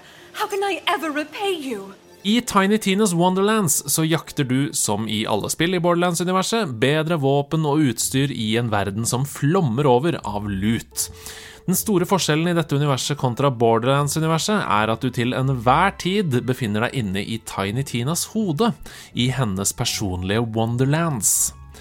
Parallelt med at du løper rundt og skyter og kaster spells på pirater, zombier og gnomer i en fantasyverden, så spiller du nemlig et Dungeons and Dragons-aktig rollespill sammen med Tina, roboten Fret og sjarmøren Valentine i jakten på antagonisten The Dragon Lord. Disse karakterene er enormt bra voisa av Andy Samberg, Ashley Birch, Wanda Sykes og Will Arnett, og med den rollelisten så er standarden satt. Wait, You're in Tina's fantasy, baby! Fordi dette er et rollespill, så får du også for første gang muligheten til å designe din helt egen karakter i detalj, i en overraskende dyp character creator som på omtenksomt, morsomt og intelligent vis kommer til å føles 100% riktig for alle som bruker den. Et eksempel på dette det er at spillet istedenfor å dele inn kroppstype etter mannlig eller kvinnelig, gir deg valget mellom this one eller that one. Og allerede der så forsto jeg at spillet er laget av noen som elsker å jobbe med spill. Jeg brukte lang tid på å lage min karakter, den helt rå trollmannen Jan Dalf. All the fires are extinguished. The houses get put back together. The crowds are cheering for you. we love you, baby Thanks! I love me too! Det nevnte rollespillgrepet er genialt fra et historiefortellingsperspektiv. Fordi en tredjeperson utenfor spillopplevelsen styrer narrativet i en fantasiverden, så kan nemlig alt skje uten at det føles feil eller malplassert. Og det gjør at jeg til enhver tid gleder meg til hva som skal skje rundt neste hjørne. Hvis Tina er misfornøyd med fighten du står i, så forandrer hun den med et knips, så den går fra konge til uforglemmelig. Du slåss på et tidspunkt mot en gjeng pirater som tror de er uovervinnelige fordi de har plot armor, og karakterene du møter i spillet kan gå fra onde til gode dersom Valentine mener det er urealistisk for karakterutviklingen og tynn historiefortelling at karakteren er skrevet på den måten. Tiny Tinas Wonderlands bryter altså den fjerde veggen hele tiden, uten at det føles slitsomt. Det er utelukkende gøy. Du føler deg inkludert i historiefortellingen som spiller, og blir trukket med videre i det ene universet morsommere enn det andre. Jeg satt låst til min PS5 hele lanseringshelgen og klokket inn 20 timer fra fredag til søndag. På den tiden rakk jeg å runde historiedelen og spille en god del Sidequests, men jeg vil anslå at jeg har minst 40 timer med innhold igjen i spillet. Og det er bare på én av de mange ulike klassene jeg kan spille som i dette RPG-et. Very punch, father! you're alive! Thanks to your badass riffs, you truly are a barbarian. I Wonderlands handler det om deilig, deilig flyt. Du kaster spells, skyter, hopper, dodger, flyr og melayer fiender til den store gullmedalje. I den beste balansen av abilities og våpen som jeg har prøvd i et skytespill. Der man i mange tilfeller hordet granater i Borderlands 3 fordi de var så OP, så har alle klassene her mulighet til å equippe ulike spells med cooldown, som gjør at du aldri trenger å bekymre deg for å gå tom. Det skaper en uimotståelig gameplay loop der du fyker rundt og til enhver tid føler at du gjør noe kult som er bra og påvirker fighten du står i. Jeg har ikke så lyst til å si så mye mer om universet, for spillet er klart best om du får oppleve alle overraskelsene som venter deg, uten at du vet at de kommer. Referansene sitter løst, og alle som er glad i fantasy, nerderi, tegneserier og populærkultur, vil få sin dose her. Det eneste jeg vil si, er at jeg personlig ikke har noe å utsette på det som møter meg. Jeg elsker alt. Men akkurat som med berlinerboller, spekemat eller binging av din favorittserie, så er det nok lurt å ta seg en pause før man overspiser. For energien er så høy i Wonderlands at jeg ikke kan anbefale lange maraton av gangen. Da begynner man nemlig å miste de geniale referansene i manuset, og kan oppleve noe fatigue på gameplay-loopen som krever en del av deg som spiller. Ta heller mange tretimerssesjoner enn færre åttetimerssesjoner. You know me? well, we haven't really met, but I'm the Fairy Punchfather. As long as magic's been around, I've been here to protect it. Mostly by punching. Jeg snakket litt om forskjellen på å spille alene og spille sammen med venner i The Witch Queen-anmeldelsen min, og Wonderlands er også en spillopplevelse som er designet for å spille med andre. Forskjellen i Wonderlands er at det også er kjempegøy å spille alene, fordi gameplay er så rått, i tillegg til at du får mer fokus på det nydelige manuset og alle detaljene i dialogen karakterene imellom. Jeg har spilt både med Stian og Ida og alene, og jeg har kost meg hele veien.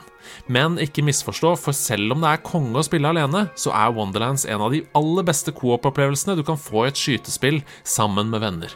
Det er lite som gir meg mer livsglede enn å høre Ida sprute brus ut av nesa over Voice-kanalen fordi hun ler seg i hjel av et av de uendelige, nydelige ordspillene. Nå skal det sies at flerspilleropplevelsen var preget av en del kluss i lanseringshelgen, men dette ser ut til å ha bedret seg betraktelig nå, 72 timer etter launch. Magical loot solo number two! Jeg forventet virkelig ikke at Tiny Tinas Wonderlands skulle være så bra. Spillet er en full evolusjon, ikke en spin-off. Gearbox har tighta opp alle områdene, de har fjernet de ubrukelige kjøretøyene og laget en opplevelse som er full av action og aldri kjedelig. Det er mange ulike måter å spille Wonderlands på, en haug med main og sidequests og enkeltstående aktiviteter rundt omkring som er morsomme. Våpnene er deilige å skyte med, og legendary-balansen er helt strålende, som gjør at det føles massivt de gangene du hører den umiskjennelige lyden av gyllent gear. We can't cast a blessing with these vibes! We need a jam session! Lay down a beat! Vibe check! Transpose your feelings into beautiful music! Jeg klarer ikke slutte å smile når jeg spiller Wonderlands, og ofte så ler jeg høyt. Spillet tar seg selv herlig uhøytidelig og er en varm og lynende intelligent opplevelse. Det er rett og slett en feiring og en hyllest av RPG-sjangeren, folkeeventyr, memes, humor, historie, fantasy og det å dele opplevelser med menneskene du er aller mest glad i. Når vi oppsummerer 2022, så er jeg helt sikker på at denne spillopplevelsen kommer til å konkurrere om Game of the Year-tittelen for min del, og det sier sitt i dette ekstreme spillåret. Tiny Tinas Wonderlands er nemlig mitt nye favorittspill i Borderlands-universet, og får 93 av 100 hedermenn. Det er med andre ord ikke helt 100 av 100, men det er søren meg 10 av 10. Elden Ring må nok vente litt til.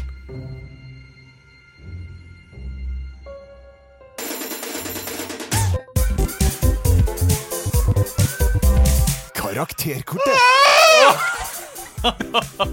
Altså, hvorfor reagerer du så banalt? Jeg har gleda så mye til dette! Jeg har meg så mye til dette! Det stemmer, vi skal inn i karakterkortet der hvor en av programlederne til vanlig går inn i en karakter og får da oppdatert eh, karakterscore av sin parodi på den karakteren på nederlandslaget.com. Men hold deg knakende fast. Det er Steffen Lund som skal være karakter.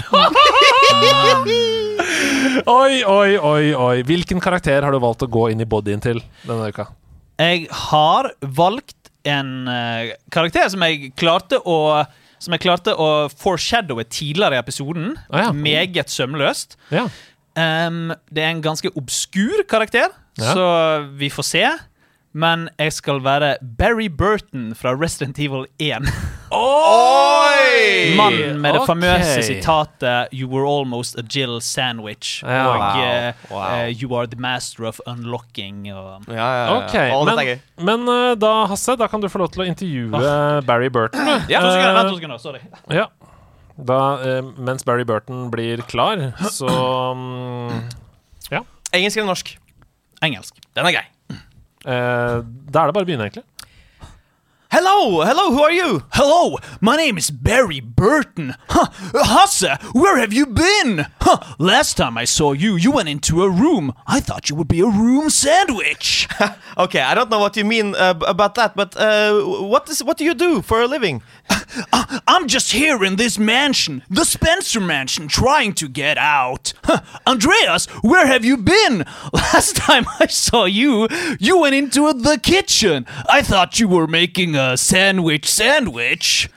Okay, so you're in the mansion. Why are you in this mansion? Why are you here?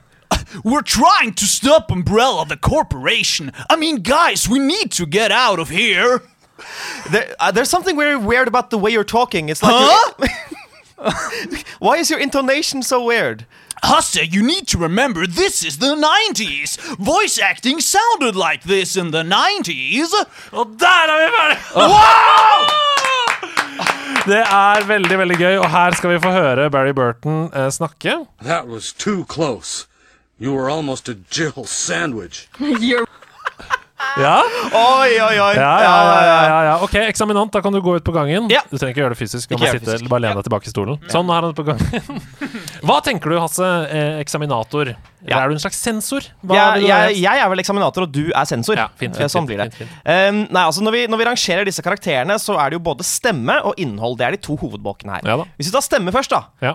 Det er jo, det er jo Det er top, top tier. Det er top tier. Altså Intonasjonen som du var inne på her, er Ja. jo helt eh, Altså Melodien i språket er jo magisk. Det er veldig veldig bra jobba. Helt magisk. Og uh, også improvisasjonen rundt det. For ja, man kan ha forberedt uh, visse replikker og sånn, men uh, også improvisasjonen rundt mine ganske gode spørsmål Mm. uh, syns jeg var veldig, veldig god der. Så det er top tier stemme. Absolutt. Jeg ble veldig imponert. og jeg følte at jeg var At jeg var Jill. At jeg var på vei til å bli en Jill-sandwich. Ja vel. Mm. Hva med Men så, altså, så, så er det innholdet, da. Ja. Og her er vi også Jeg syns ikke dette var gærent. Ja, han lener seg jo på brødets gleder, hvis det er lov å si. Han lener seg på om brødets gleder, men han tilpasser også.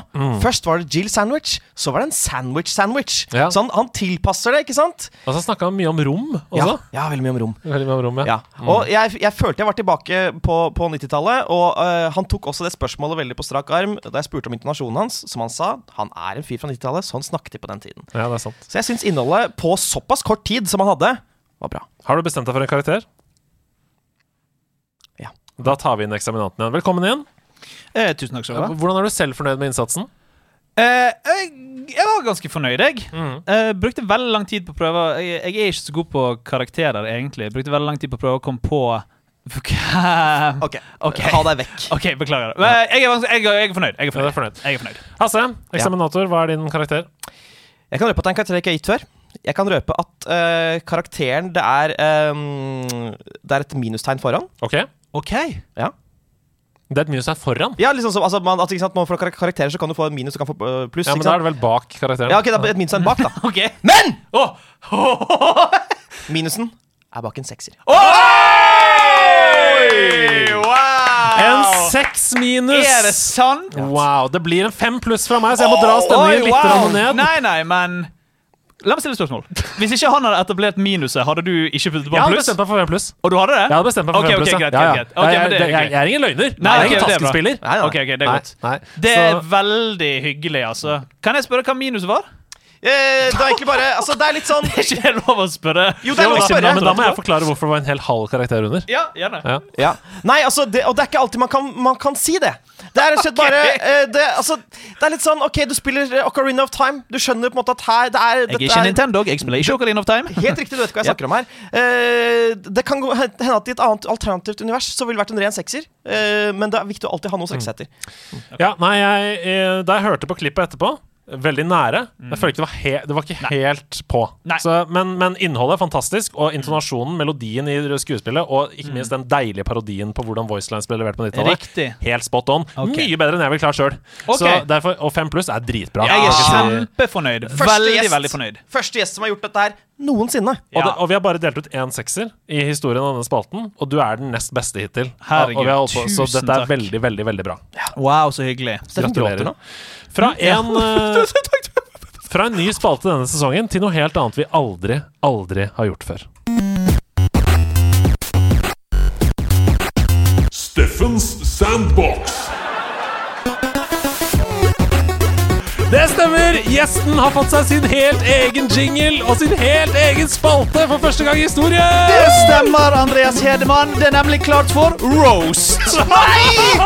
Det er nemlig klart for roast av videospillkarakterer. Å, herregud. Og Steffen skal roaste videospillkarakterer live her, og jeg har forberedt veldig mye gøy i forbindelse med dette, så du kan vel egentlig bare sette i gang. Ja, jeg tenker vi bare setter i gang med en eneste gang, alle sammen. Tusen takk for at jeg får lov til å være her, og så fantastisk å se så mange flotte ansikter. Bowser! Bowser er i dag, mine damer og herrer. Bowser. Og, og, og Bowser, du prøver jo alltid å forføre og fange prinsesse Peach. Det er liksom greien din. Og ofte så får du hjelp av sønnene dine, eh, Siggy Norton og Morty, eller hva faen de heter. Eh, eh, men Bowser, hei, Bowser.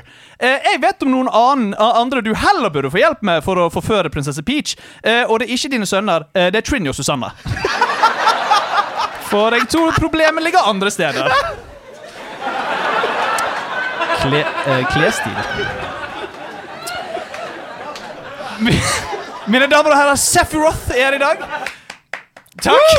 tusen takk. Sephiroth er her i dag fra Final Fantasy-serien. Og Sephiroth, du prøver jo alltid å drepe Cloud. Det er liksom det som er greien din. Det er din agenda. Du hater Cloud, og du prøver alltid å myrde Cloud. Hei, Sephiroth! Jeg tror vi burde slå hodene våre sammen og gjøre et slags samarbeid, for vi har det til felles, jeg og du, at vi begge hater Cloud. Den forgrømrede programvaren klarer å aldri å aldri sikkerhetskopiere filene mine. All right, what else? Duke Nukem er i dag, mine damer og herrer. Duke Nukem, og Duke, du er kjent for å ha et ganske skrudd kvinnesyn, og du er en ganske kontroversiell figur, og det er mange der ute som mener rett og slett at du burde bli cancelled. Mm. Ja, men nei, nei, nei, nei, jeg er ikke sikker på det, altså. Jeg syns ikke Duke Nukem har ferdig utspilt sin rolle. Eh, Jeg synes det er én ting vi kan bruke Duke Nukem til, eh, nemlig tørke meg i ræven og skylle ned dass. Duke Nukem! For Duke Nukem er en møkkakarakter. Oh, du Du Nukem! Ja, ja. Duke Nukem, suk kukem min. Så da er det What else? What else? Å ja! Hele From Software er det i dag. Det er jo ikke en spillfigur, men absolutt hele From Software-studio er det i dag. Og dere er jo kjent for å lage uhyre vanskelige spill From Software. Ja. Og ved å spille disse spillene deres så har jeg knust alle mine kontroller og brukt flere tusener på tusener av kroner for å erstatte dem. Og det, ja, bu, og det har blitt så mye at nå gjør jeg et søksmål for å få pengene mine tilbake. Jeg har dermed hyret Norges beste advokat på saken. Ja, jeg tok kontakt med Norges beste advokat over telefonen. Jeg måtte rett og slett gjøre en Jon Christian Elden Ring. Måtte gjøre en Jon Christian Elden Ring. Eh, den hopper jeg over. OK. Spike fra Ape Escape er i dag. Litt obskurt, men Spike fra Ape Escape-serien. Flink med hoven sin. Flink med hoven sin. Tusen takk for at du må, Dette må du gjerne gjøre mer av Chime In, som du gjør på Roast. Spike fra Ape Escape er i dag. Og Spike, du er jo så god på å fange aper, og alle, alle, alle hyller deg for alle apene du fanger. Men uh, Spike, jeg er ikke sikker på om jeg er enig i at du er så flink til å fange aper. Du skjønner, Hasse Hope er her fortsatt. Nei, nei, nei, nei, nei. Ingen er trygge i dag. Hasse Hope er her fortsatt. Spike, du har ikke fanget alle apene. Nei, nei, nei. Ok. Master Chief fra Halo-serien er i dag. Alle sammen, mine damer og herrer, Master Chief er i dag. Er det litt varmt i den rustningen? Litt varmt? Ja, ja, takk, Andreas. Og Master Chief, du går jo med denne hjelmen din hele tiden. Ja. Eh, og den må nok redusere noen hjerneceller. Jeg husker den gangen du meldte deg på en matlagingskonkurranse, og du trodde du kom til å komme rett til topps, for du trodde et Master Chief Canada. Jeg mener Takk. Du trodde at det het Master Chief Canada. Det var derfor du trodde at du kom til å vinne hele konkurransen. Selda er med oss i dag, mine damer og herrer. Zelda, mine damer og herrer. Og Zelda, det er jo du som er hovedpersonen i Zelda-serien. Det er du som er den eh, lille gutten med grønn hatt og sverd og sånt. Eh, Zelda, det er deg. Det vet alle. Eh, pst, Zelda. Eh, jeg vet du egentlig heter Link, men det vil jeg ikke kalle deg, for nettverkstilkoblingen på Nintendo Switch er helt ubrukelig, og ved å kalle deg Link, så er jeg redd for at jeg sender feilaktige signaler om at jeg syntes internettlinken mellom meg og en venn er god, og det er han ikke. What else? What else? Frogger er i dag, mine damer og herrer. Frogger. Hei, Frogger. Hei, Frogger. Og Frogger, din greie er å hoppe over veien. Det er det du gjør. Du går over veien, Frogger. Ha. Vel, jeg har hørt om to tomater som går over veien, men jeg mener, dette er jo bare latterlig. Ja, Frogger, du som er et dyr som krysser veien, du hører vel strengt talt til i Animal Crossing-serien. Og ja, Tom Nook, jeg ser på deg. Tom Nook. Tom Nook er med oss her i dag. Hei, Tom. Tom, din griske, griske vaskebjørn. Hei, Tom! Jeg ser du ikke klarer å se til helvete og få på deg de buksene dine. Kanskje du skal bruke alle de pengene på noe annet enn Big Tasty Bacon-menyer? Whoops. Tom Nook, du burde bytte navn til Tom Tykk. Nei. Ja. All right. Wander fra Shadow of the Colossus er her i Hei, dag. Wonder. Hei. Wander fra Shadow of the Colossus er i dag. Og Wander, du har jo en hest som heter Agro. Å, Ja vel? Da er det noen som har latt seg inspirere av min ekskone.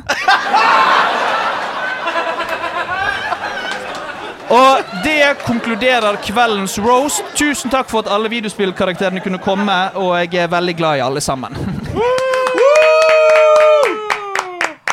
Altså, du går hardt ut, altså. Ja. Jeg går hardt ut. Så bra. Altså, du går hardt ut. Jeg, vil ikke sovet trygt i, i natt, Steffen. Nei! Nei, det Tenker er, du på um, Ja. Det var noen som sitter her i dette rommet her som fikk gjennomgå. Men jeg tror det eneste vi kan gjøre nå, for at eh, alle vi som sitter i dette rommet her nå, skal samles, det er å lage en litt sånn kumbaya-stemning. Ja, okay. Tenne opp uh, bålet og lytte.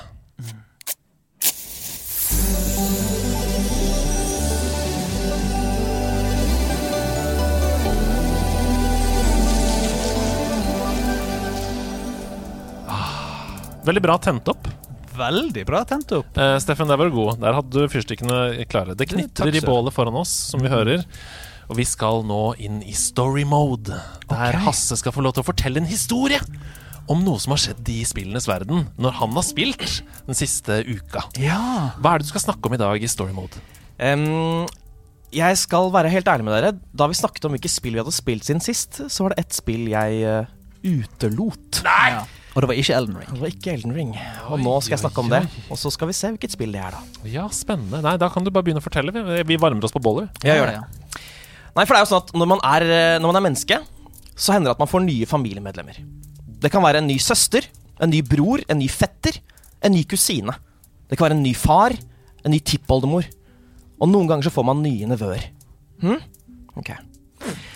Selv har jeg fått to stykker. La oss kalle dem Bangliot og Screech. Bangliot er ni år, mens Screech er 14. Og de finnes, men de heter noe annet enn det jeg sa.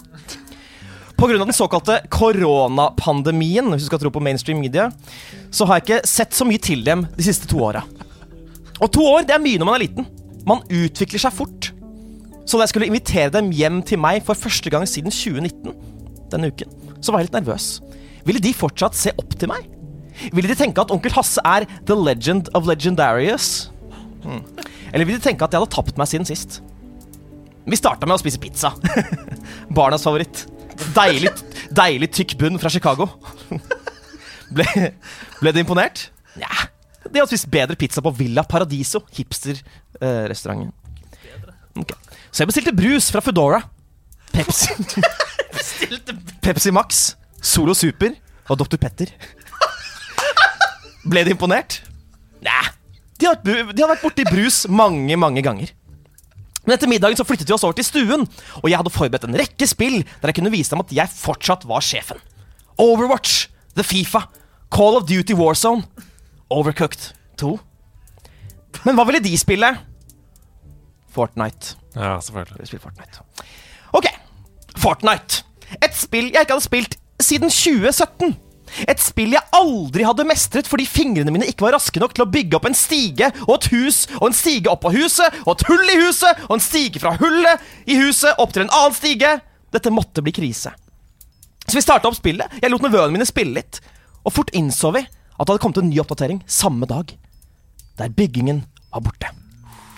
Bangliot prøvde så godt han kunne å lande i Tilted Towers, og han skjøt et par knobs kjapt. Før han løp ut av bygningen og ble beskutt fra alle kanter. Vanligvis så ville Bangliot ha bygget seg et lite hus for å beskytte seg, men han kunne jo ikke det, så han døde. Det var Screech sin tur. Han, han, han landa et litt roligere sted. The Daily Bugle gikk han for. Og igjen, han skjøt seg gjennom rubbel og bit på vei nedover trappene. Én, to, tre kills med en shotgun uten å mukke. Men så begynte han å løpe mot en ås, og der satt det en snipers med sin snipergun. Og Screech hadde ikke plukket opp en sniper. Han kunne ikke skyte tilbake, og han kunne ikke bygge et hus for å la kulene prelle av, så han døde, han også. Nei.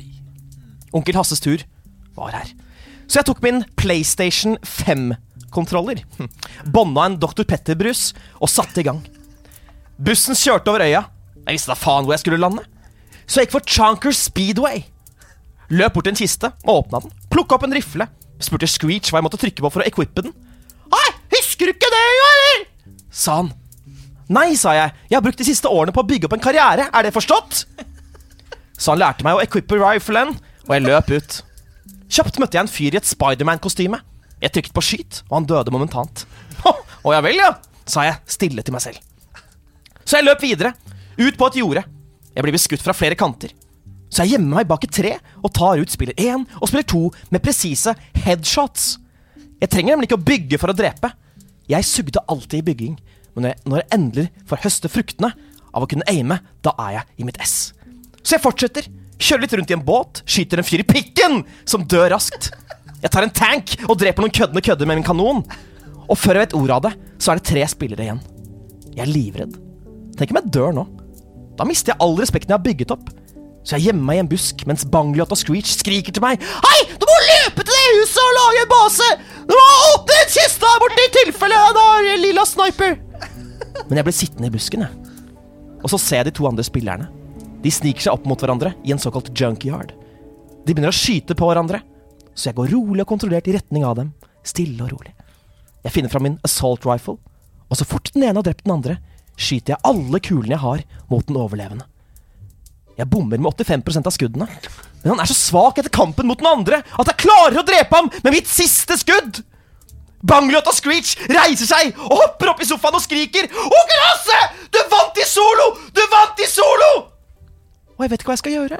Så jeg hopper opp i sofaen med dem. Jeg veiver med armene, jeg klemmer dem. Jeg danser The Gangnam Styles. Og når de drar for meg en halvtime senere, så hører jeg dem mens de går ned trappa. Ja, tidenes beste onkel, ass. Han drakk Dr. Petter og. Faen. Så takk, Epic Games. Takk for at dere fjerna bygging fra Fortnite. Wow, veldig, veldig bra. Du vant i solo! Jeg vant i solo. Gud bedre. Det er jo en enorm prestasjon. Ja, jeg aner ikke, men det høres helt fantastisk ut. Det er en fantastisk følelse, og det er faktisk Jeg hadde så lyst til å si det i stad, men jeg ville spare det til nå. Ja, det Det at jeg fjerna det, Et er helt manus basert på det. Helt, helt manus basert på det. det er, altså, jeg kommer til å spille ganske mye Fortnite fremover, for dette var gøy. Ja, men det er det, ikke sant? Fordi nå, nå åpner det seg plutselig for veldig mange gamle spillere, og folk som aldri har spilt Fortnite før, som har mm. hørt sånn Det er helt umulig å spille fordi folk er helt crazy til å bygge. Ja. Ja, ja, det er det. Mm. Altså Særlig mot spillere på, på, på, på, på PC. Helt umulig. Men nå går det an. Fantastisk. Takk skal du ha. Og Bangliot og Screech høres ut som de har den, har den beste onkelen. De heter faktisk det. Ja. Ja. Yes. Well, actually, surely what you're saying is a balderdash of ox's feces, sausage tissue, urine talk. On, on the contrary. No, no, no, no. I beg to differ! De nerde strides. Ja. Hva har du tenkt å provosere oss og shots fired oss med i dag, Steffen? Jeg, akkurat denne sleit jeg faktisk litt med. Ja, for du, du er bare glad i alt, du. du jo, men vet du hva, det er ikke å være Det er ikke meningen å være sånn, men på ekte, jeg sliter litt med å ha, være sånn ordentlig sur eh, mugge. Ja, men så deilig. Kanskje, men eh, jeg har én ting. Ja. Jeg hater uh, Assassin's Creed-spillene. Oi, oi, oi, oi! Men ikke bare det, for det er jo på en måte greit. Ja. Det er en spesifikk grunn som jeg mener er grunnen til at de spillene i mine øyne er dårlig. Ok. Se for deg dette. Okay, okay. Jeg er klar. Jeg er klar Denne gutten gleder seg til å spille et piratspill. Hele mitt liv har jeg drømt om et Red Dead-aktig piratspill. Mhm. En venninne av meg forteller Har du prøvd Assassin's Creed Black Flag. Nei, jeg har ikke det. min gode venninne Ikke sant? Jeg prøver det. Hopper inn i det. Starter med denne b- båt, båtcombat. Rein, kanoner, spruter. Swashbuckling adventure. Ikke sant? Kjempespennende. Krasjer båten, du lander på øyen.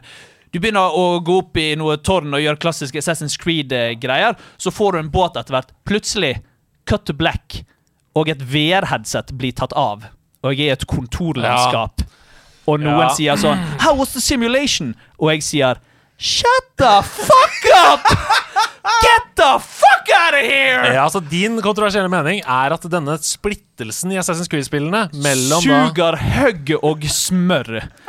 Jeg syns det er et forferdelig fortellergrep, og jeg syns det er det samme som å fortelle om en drøm. Ja. Jeg syns ikke noe av det jeg gjør i spillet, er ekte, fordi Nei. at det egentlig tar sted i en eller annen jævla fransk bygning, Ja. og vi er i en simulasjon i nåtiden eller fremtiden. Men det er jo på en måte ekte. altså Du reiser tilbake i tiden for å kunne påvirke samtiden. Jeg skjønner, men jeg syns ikke det. Nei. Og det som er viktig å påpeke, grunnen til at det er vanskeligheten med å gjøre det Jeg har bare spilt Assassin's Creed Black Flag. Jeg ble helt rabiat av det valget og slo det av. Og jeg har ikke rørt et Assassin's Creed-spill siden. Nei. Så jeg har ikke så mye mer å backe det på enn at jeg hatet det. Ja, men det hater jeg òg.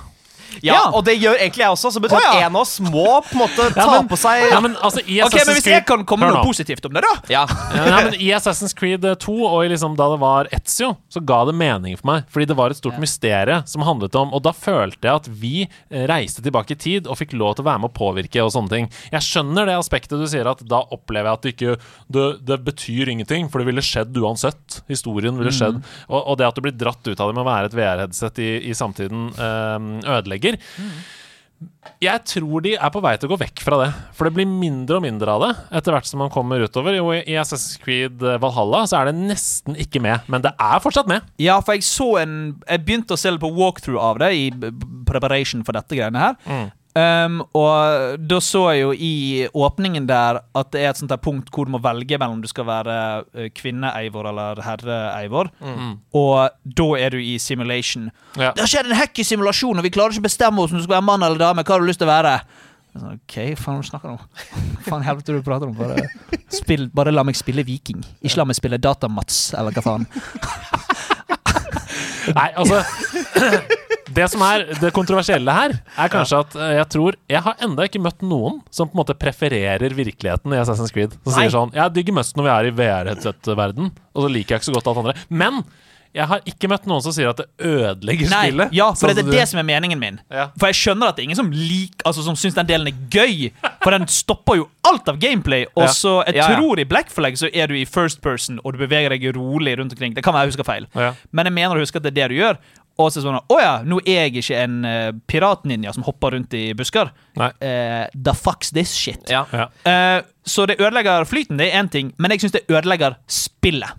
Ja, ja, og jo, jeg, jeg kan ikke si noe imot det, for jeg er helt enig. Og Jeg husker jeg, jeg, jeg spilte dritten ut av Assassin's Creed 2 og uh, 3 og Syndicate. Uh, og Der er dette en veldig viktig del av historien. Og jeg husker jeg har lest anmeldelser der de trekker det fram som noe veldig positivt. da Ja. Det er liksom kult at det er noe sånn Yes. big business bak og, og greier. Eh, men det er sånn hver gang jeg blir den karakteren igjen, så er det sånn Jeg vil ikke være en fyr i hettegenser som går rundt på liksom sånn Apple-aktig Eller sånn eplehusaktig rom. Nei. Um, og jeg føler at det er Rett og slett, Det virker som at de ikke har selvtillit nok til å bare la historien leve for seg selv. Jeg ville elsket å bare gå rett inn og være en assassin og tenke at dette har skjedd. Fordi alt er jo satt til uh, autentiske, uh, historiske steder. Du møter faktiske mennesker. Men som du sier, da, du spiller en drøm. Ja, jeg syns det. Jeg synes det er det samme som å fortelle om drømmene sine. Ja, det skal du få lov til å synes, og jeg tror nok ganske mange som hører på, er enig med deg. Og det er sikkert mange som river seg i håret òg. Ja, og det var vanskelig å få de nerde til å strides i dag, men jeg Yes. syns det var veldig fint likevel. Betyr det at det var en god liksom, De nerde strides? Ja, det synes jeg. Siden ingen klarte å si noe på det? Definitivt en god de nerde du strides. vant. Ja, Eh. Fjær i hatten. Ja, takk skal du ha, sir. Gå lydplanken! Ah, dere usle, stygge små pirater! Hva kalte du meg? Jeg kalte deg en VR-headset-datatom! Du jævla landkrabbe! Du trodde du var pirat, men dette er kun en simulasjon! Du skal ut og gå lydplanken i Eplehuset-butikken! Nei, jeg vil, det er så sterilt her. I går lydplanken så skal jeg spille av eh, det som kan være musikk, det som kan være lydeffekter, det som kan være lydklipp fra spill. Eh, og jeg skal ha svar fra dere, hvilket spill det kommer fra, Ja. eller noe mer spesifikt som jeg ber om. Eh, så er det knyttet et oppfølgingsspørsmål. Til det spillet som vi snakker om. Og først ut i dag så skal vi til eh, et spill. Og her vil jeg at dere skal rope ut navnet deres når dere vet hvilket spill det er fra. Hva, hva het de der nevøene dine? Eh, Bangliot og Screech. Skal vi heller rope det? Ja, jeg roper Screech. Jeg roper Så jeg må ha Bangliot. Ja. okay, Du fikk da veldig Du ble nerfa. Jeg ble nerfa, jeg ble Bangliot. Ja. uh, husk å rope navnet deres. Vi skal høre en a cappella-versjon fra et kjent spill. Ja. Eh, og jeg vil at dere skal rope hvilket spill det er vi hører.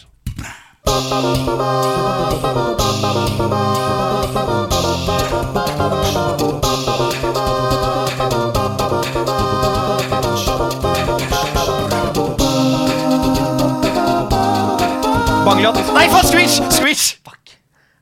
Mortal Kombat. Nei da, det er ikke det. Men det er nære.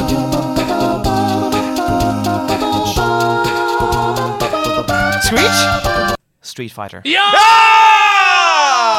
Jeg hadde ikke Jeg hadde ikke Dette er Street Fighter 2. Gills team, eller theme, eller Guil. Guil. Guile. Guile. Guile. Jeg vet ikke hvordan det uttales. Veldig kul uh, cappella-versjon. Veldig kul. Jeg ble vel, det var ekstremt fengende. Mm. Det var grunnen til at jeg ikke svarte. Jeg visste det var Street Fighter 2 hele tiden. Det var bare Jeg ble så mesmerized av a cappella-versjonen. Men da kan du jo hente deg inn igjen på oppfølgingsspørsmålet, for i Og her vil jeg at dere skal bestemme dere for et svar i hodet før dere sier det. Okay, og ja. da må dere være ærlige. Jeg skal skrive det neste, det ja. fint. I Street Fighter-serien så finner vi det rimelig legendariske movet Hadouken. Hvor mange karakterer kan bruke dette movet i Street Fighter 2? Hvor mange karakterer kan bruke Hadouken i Street Fighter 2? Mm. Jeg har skrevet, jeg har skrevet den. Ja, det, det, du har skrevet ned svaret, så det betyr at du får lov til å svare, Bangliot. To. Hva svarer du, eh, Jeg, Screech? jeg har skrevet to Ken og Ryu. Det er riktig! Begge to har likt riktig. det betyr at det blir ett poeng til hver. Ryu og Ken har identiske movesets i Street Fighter 2, eh, og kan med andre ord begge bruke Hadouken. Hadokens. Fantastisk. Da skal vi videre til uh, neste spill. Og her Han må gå litt på planken Ja, du må, du må gå oh, litt ja! på planken. OK, tapp, tapp, tapp. Å nei, ikke planken! Ja, veldig bra. veldig bra I dette sterile eh, eplehuset-aktige stedet vi er. Um, her kommer oppgave to. Vi skal fram til en karakter som er hentet fra et spill. Og her vil jeg at dere skal høre hele lydklippet okay. før dere da roper. Men hva Eh, hvis jeg sitter med det umiddelbart, og så bare han roper før meg, bare fordi Dere kan få lov til å bestemme dere for et svar, og så sier jeg da er okay. da, jeg, da vil jeg ha et svar fra begge. Jeg vil heller ha det på den måten. For, okay. så, da får også lytterne nemlig høre lyden Got av it. lydklippet. Skjønner. Så Her- stille ut lydklippet. Ja. Her kommer klippet. My mouth is watering so much you could drown a small village in my cheeks. The taste apocalypse is upon us. Oi. The taste apocalypse is upon us. Um, vi har et svar fra Steffen her, så da trenger jeg at du eventuelt også har et svar, lille Screech. Nei, jeg er ikke lille. Um, uh, OK, jeg, jeg, jeg svarer uh, Trevor i GTA 5. Hva er det du har tenkt? Oh, jeg angrer umiddelbart, men jeg kommer til å si det likevel. Mm. Jeg vet det er feil. Ah, fuck, ok Ah, shit. Jeg skulle si at det er denne kjøttkakebossen i Overcooked. Ja, nei, det er ikke det. Ah. Det er ikke det. Da er, men begge har tatt feil, Ja! så da betyr det at vi kan åpne for å rope navnet sitt. Ja, OK. Får vi høre det en gang til? Dere kan få høre det en gang til. Ja, My mouth is watering so much you could drown a small village in my cheeks. The taste apocalypse is upon us. Altså, det høres jo ut som en Det høres ut som en gal kokk, Ja. dette her. Må vi si karakteren, eller kan man si spillet? Eh, du kan si spillet. Ok. Eh, Bangliot, Ja. er dette et Borderlands? Det er helt riktig! Oi! Dette er Borderlands 2. Det er Mr. Torg vi hører her. Eh, veldig veldig bra. Det er poeng. Det betyr at det er 2-2. Oh, her wow. kommer oppfølgingsspørsmålet knytta til Borderlands 2. Sir Hammerlock er en galant jeger i Borderlands-universet. Han jakter på sjeldne skapninger som han kan henge hodet til på veggen. Når roboten Claptrap snakker, så skjer det noe med hjernecellene hans.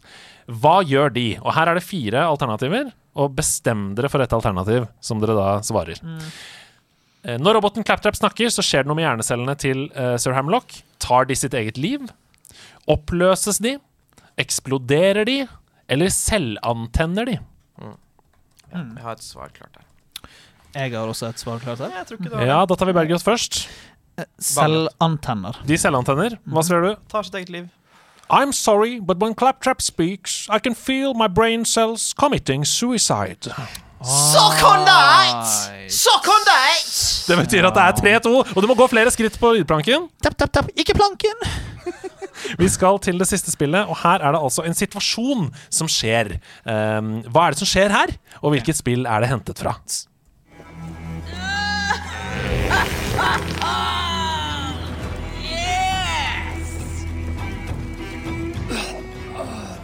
I knew I would regret this. I knew I would regret this. Alle dager. Ja. Det hørtes jo egentlig ut som noen som Tør jeg si det? Det Ja, høres ut som si noen som prompet og Ja. fiste. Det Mm. hørtes faktisk sånn ut. Det er helt riktig. Det er noen som promper Det er og noen som fiser. og fiser fise her. Og så sier han mannlige figuren 'I regret this'. Ja, Den kvinnelige figuren sier 'Oh yes', var det hun sa. det var det hun sa. Mens hun promper. Å, det er hun som promper. Og dama promper. Mm. Ok. OK. Hvilket spill skal Er vi fram til her? Det høres jo kanskje ut som det er Jeg trenger navn. Unnskyld. Beklager, sør. Jeg er litt langt ute på planken. Jeg skal holde kjeft. Mm, ja. Eh, eh, um, ah, fuck. Bangliot. ja. Uh, Bajonetta 2. Nei da, det er ikke det. ok. Men Du får ikke minuspoeng av den uh, grunn. nei, nei. Uh, ok, dame promper. Han er ikke glad. uh, Resonneringen er på høyt nivå. Ja. Uh, jeg kan si at dette er, et, dette er det siste spillet i serien, kan jeg si. Ja. Mm. Ok, Screech. Ja. Uncharted 4. Nei da, det er ikke Uncharted 4. Det er veldig, veldig bra. Uh, uh, uh, Bangliot, Ja. Uh, er eh, Dragon Age det siste Dragon Age? Nei da, det er ikke det. Ah, Det er mer moderne enn det. og det er det, ja? Mm. Er det sant? Mm. Hæ, hvilket spill er det som er så nasty, da? Kan, kan vi høre en gang til?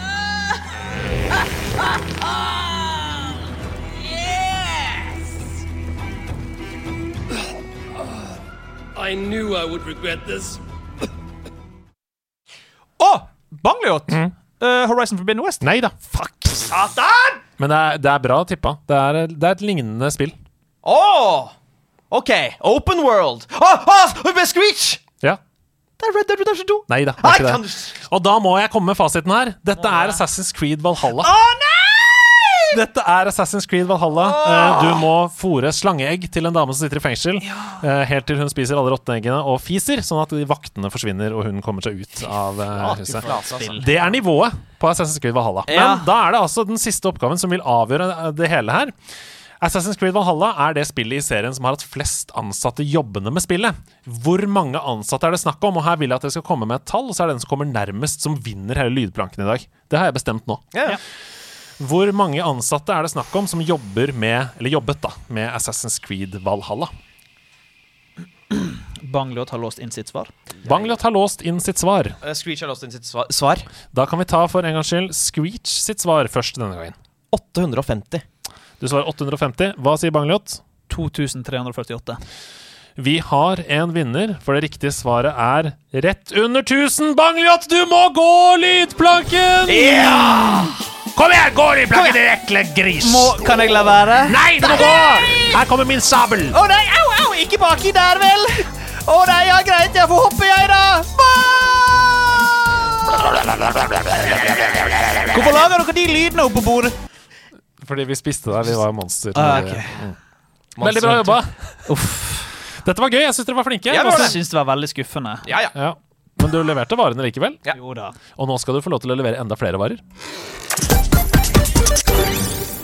Det har selvfølgelig rent inn med spørsmål sånn som de gjør hver uke når jeg poster på Instagram, så jeg tror vi bare gønner på jeg med et par spørsmål fra Discord først. Yeah. Hei sann, jeg har et problem som jeg tipper veldig mange andre kjenner seg igjen i. Jeg har en lang liste med singleplayer-spill som jeg ikke har fullført, enten fordi jeg har gått lei midgame, eller så har det dukket opp nye spill som har fristet mer. Har dere noen generelle tips til hvordan man kan komme gjennom singleplayer-spill på en grei måte? Jeg er ikke en completionist, så i mitt tilfelle mener jeg hovedsakelig fullføring av quests. Hilsen Hilmarillion. Kanskje første tips der er bare ikke ha fucking 18 Witcher 3-spill. Ja, for dette var det du var inne på i stad, nemlig. At, uh, ha, ha de der eh, Ikke, ikke spill alle de, altså, de, altså de der Assassin's Creed og Witcher og Red Dead. Jeg liker veldig mye av det, men det er mye som går på rundgang. Mm. Spill noen av de der korte, så kommer du deg fint gjennom de, altså. Ja. Korte spill, veldig god uh, idé. Veldig god idé å ikke kjøpe noe nytt før du er ferdig med det forrige. Ja, det er jo bare en tommelfingerregel. Jeg vil også si ehm, altså Det er jo fortsatt liksom open world-spill som er den store trenden. Og da vil jeg bare anbefale å bare spill Main Quest. Ikke tenk at du må fullføre alle side quests. Altså Hvis du syns det er slitsomt å bli ferdig med et spill, spill Main Quest. Bli ferdig. R. Tundal spør hvilket spill skulle dere ønske dere kunne opplevd igjen for aller første gang? ja, uh, yeah. uh, for meg eh, eh, Ja, det er jo bare litt tilbake til det jeg sa, men for meg så tror jeg det er veldig nytt. Men jeg tror det bare er Resident Evil 2.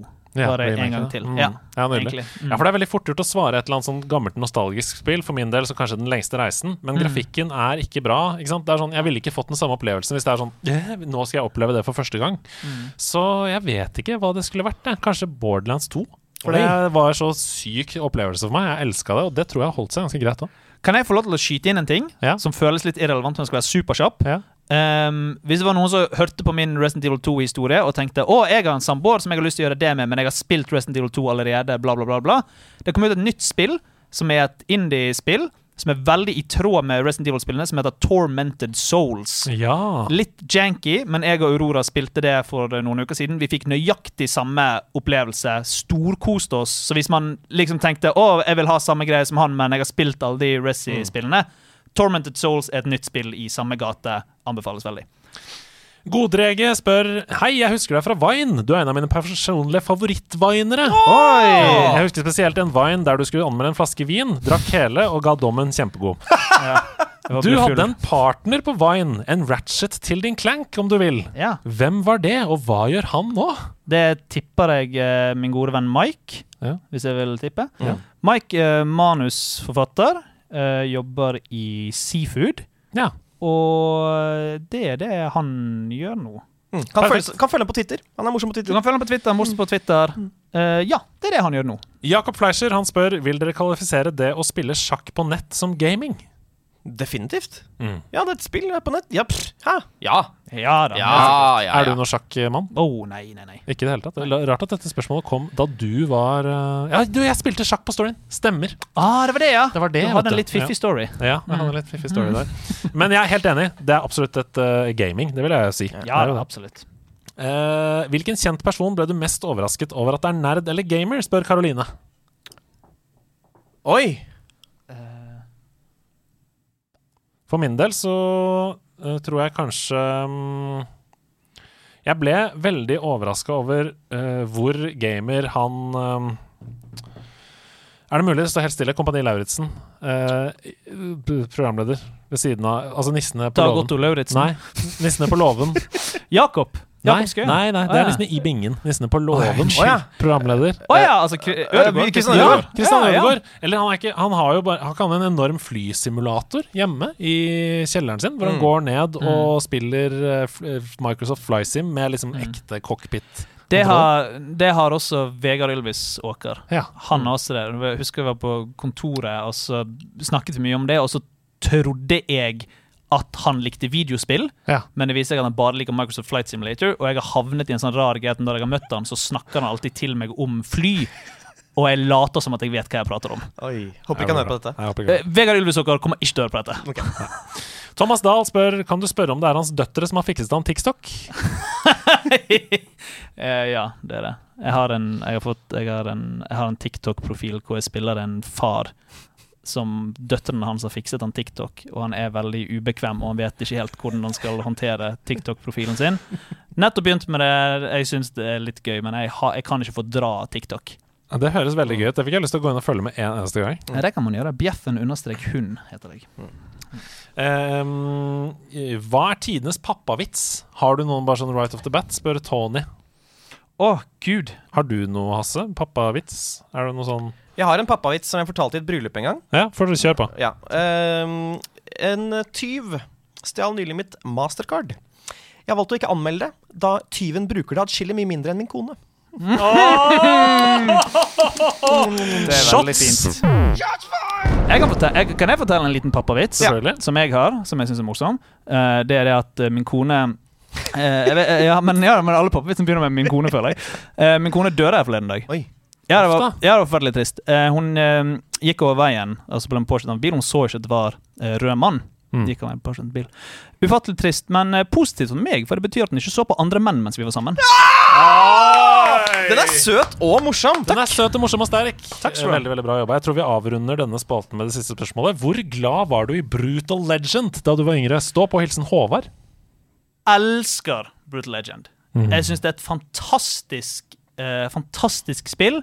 Uh, jeg tror jeg ga det jæsklig mye goodwill, for det hadde alt jeg likte. Det hadde Tim Shafer, Heavy Metal og Jack Black. Uh, I retrospekt ikke veldig fan av RTS, RTS-elementene. Nei. Ehm, skulle gjerne ønske at de, den første timen av Brutal Legend var sånn gjennom hele spillet. Mm. Men etter den timen så blir jo det RTS. Uh, ga det masse goodwill, men spiller det ofte. Spiller det ofte på nytt igjen. Elsker Brutal Legend. Mm. Helt enig. Elsker den første timen. Ja. Brutal Legend. Uh, liksom God of War-aktig. Yes. Eh, masse gøy. Veldig Også- morsomt. Ja. Veldig, veldig bra. Så går det nedoverbakke etter det. Fordi, men, eh, men det er bare fordi det er så schizofrent. Hvis det hadde vært et rent RTS-spill, så kanskje jeg hadde digga det. Jeg vet ikke. Det var det de ville at det skulle være. Det er jo det jeg har hørt. De ville bare lage et rent RTS-spill, men det var EA som moste inn Open World og liksom God of War-elementene. Men det var jo det som var det beste, Ja. syns jeg. Så. For en gangs skyld gjorde EA noe rett. Nei, slutt da. De har gjort masse kule ting. Helsike!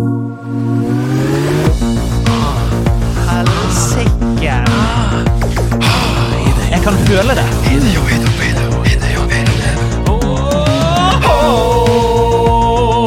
Hideo Kojima, han har tatovert min Mario.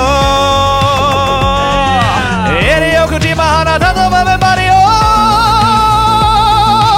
Oi, oi, oi, oi! For første gang så har chimet seg inn på Kojima-koden, og vi er nede i Hideo Kojimas univers. De tok jo, det er laser, og det er masse forskjellig her. Men det er en pirat her òg. Ja, en liten pirat skal løse Kojimas lille kode. Vi får nå se på det. Vi får nå se på det, for denne uken så har eh, Hideo Kojima tatt over Hasses body. Oh, ja! Så vi to, Steffen, vi, vi må slå hodene Ok, sammen. bra. Gøy. Ja. Fint. uh, jeg gleder meg. Ja, jeg også. Um, er du klar, Hasse, til å løse? Lese? Nei, jeg, ikke, jeg skal ikke løse. Jeg vet svaret. Ja. Ok. Um, og det jeg kan si på forhånd, er at vi skal fram til et spesifikt spill. Oi! Ok? Det er. Da henger det med. Ja. Okay. Ok, nå er vi på nett. Nå er vi med her. Ja. Ta på deg din drakt og bli med meg til året 07 for ga... Ok. Til vanlig vil jeg klippe her, men det var for gøy. Det var for gøy. Ja, jeg begynner på nytt. Ja. Mm. Ta på deg din drakt og bli med meg til året 07, for da utga de meg. Et spill der jeg slåss mot to typer baddies som kommer fra space og fra Nord-Korea. Daddies. Hmm, 07 Dead Space Hva er Nord-Korea-greien? Ja, fordi det For jeg, også tenkte umiddelbart Ikke umiddelbart, men uti der tenkte jeg Dead Space, men så kom den Nord-Korea-greien. Det er jo et eller annet veldig kjent som Nord-Korea har vært uh, antagonist i. Åh, hva er dette, da? Det var en periode der rundt denne tiden hvor Nord-Korea plutselig var masse i populærkulturen. Sånn som Husker du den uh, Team America? Ja, ja, ja. Det var liksom rundt uh, da. 07. Å ja. ja. Baddies. To typer baddies. Det er veldig få typer. Gud bedre! Hva i Fra Nord-Korea antagoni... Eller baddies fra Nord-Korea. Kan du lese um, Ja, gjerne litt grann på nytt? Lite grann, bare. Ja. Ja. Et spill der jeg slåss mot to typer baddies som kommer fra space og fra Nord-Korea. Daddies. Ja, Er så det, det er to et- typer. Ja, det er bare for å rime. Det er for å rime. Så, Tror jeg. Okay, Ok, ja, han sa det, det det, er én fiende fra space og Ja. én fra Nord-Korea. Det var på en måte det han sa nå. Ja, to typer ja. baddies som kommer fra space og fra Nord-Korea. Og så sa han 'ta på deg drakten' Ja, jeg hørte det. i starten. Så, altså, er det romdrakten? Uh, ja Uh, Ja. Eh, er, det, er det noen av de der um, Er det noen av de der Command and Conquer-spillene som er Ja. Jeg vet ikke, jeg har ikke spilt de, men, Men det kunne det vært ja, Generals, for eksempel. Det kunne også Men det vært ikke noe 2007? Starcraft, nei. Nei, jeg, jeg kom ikke på noe mer, jeg. Skal vi bare gjette Dere må svare noe, ellers blir jeg Dead Space? Oh, eh, ja, Siden det var det første vi ja, tenkte vi tar Dead Space, da. Ja. Ja, Dere er helt på jordet. jeg skjønner. Ja. Jeg skjønner. Men han, jeg jeg vet at han har et veldig godt forhold til Command and Conquer Generals, for eksempel. Så, ok. eh, Men Det er to ledd, sant? ja, ja. Vi Det er tre ledd. Oi! Å la la, om champté! Ja. Kjør på.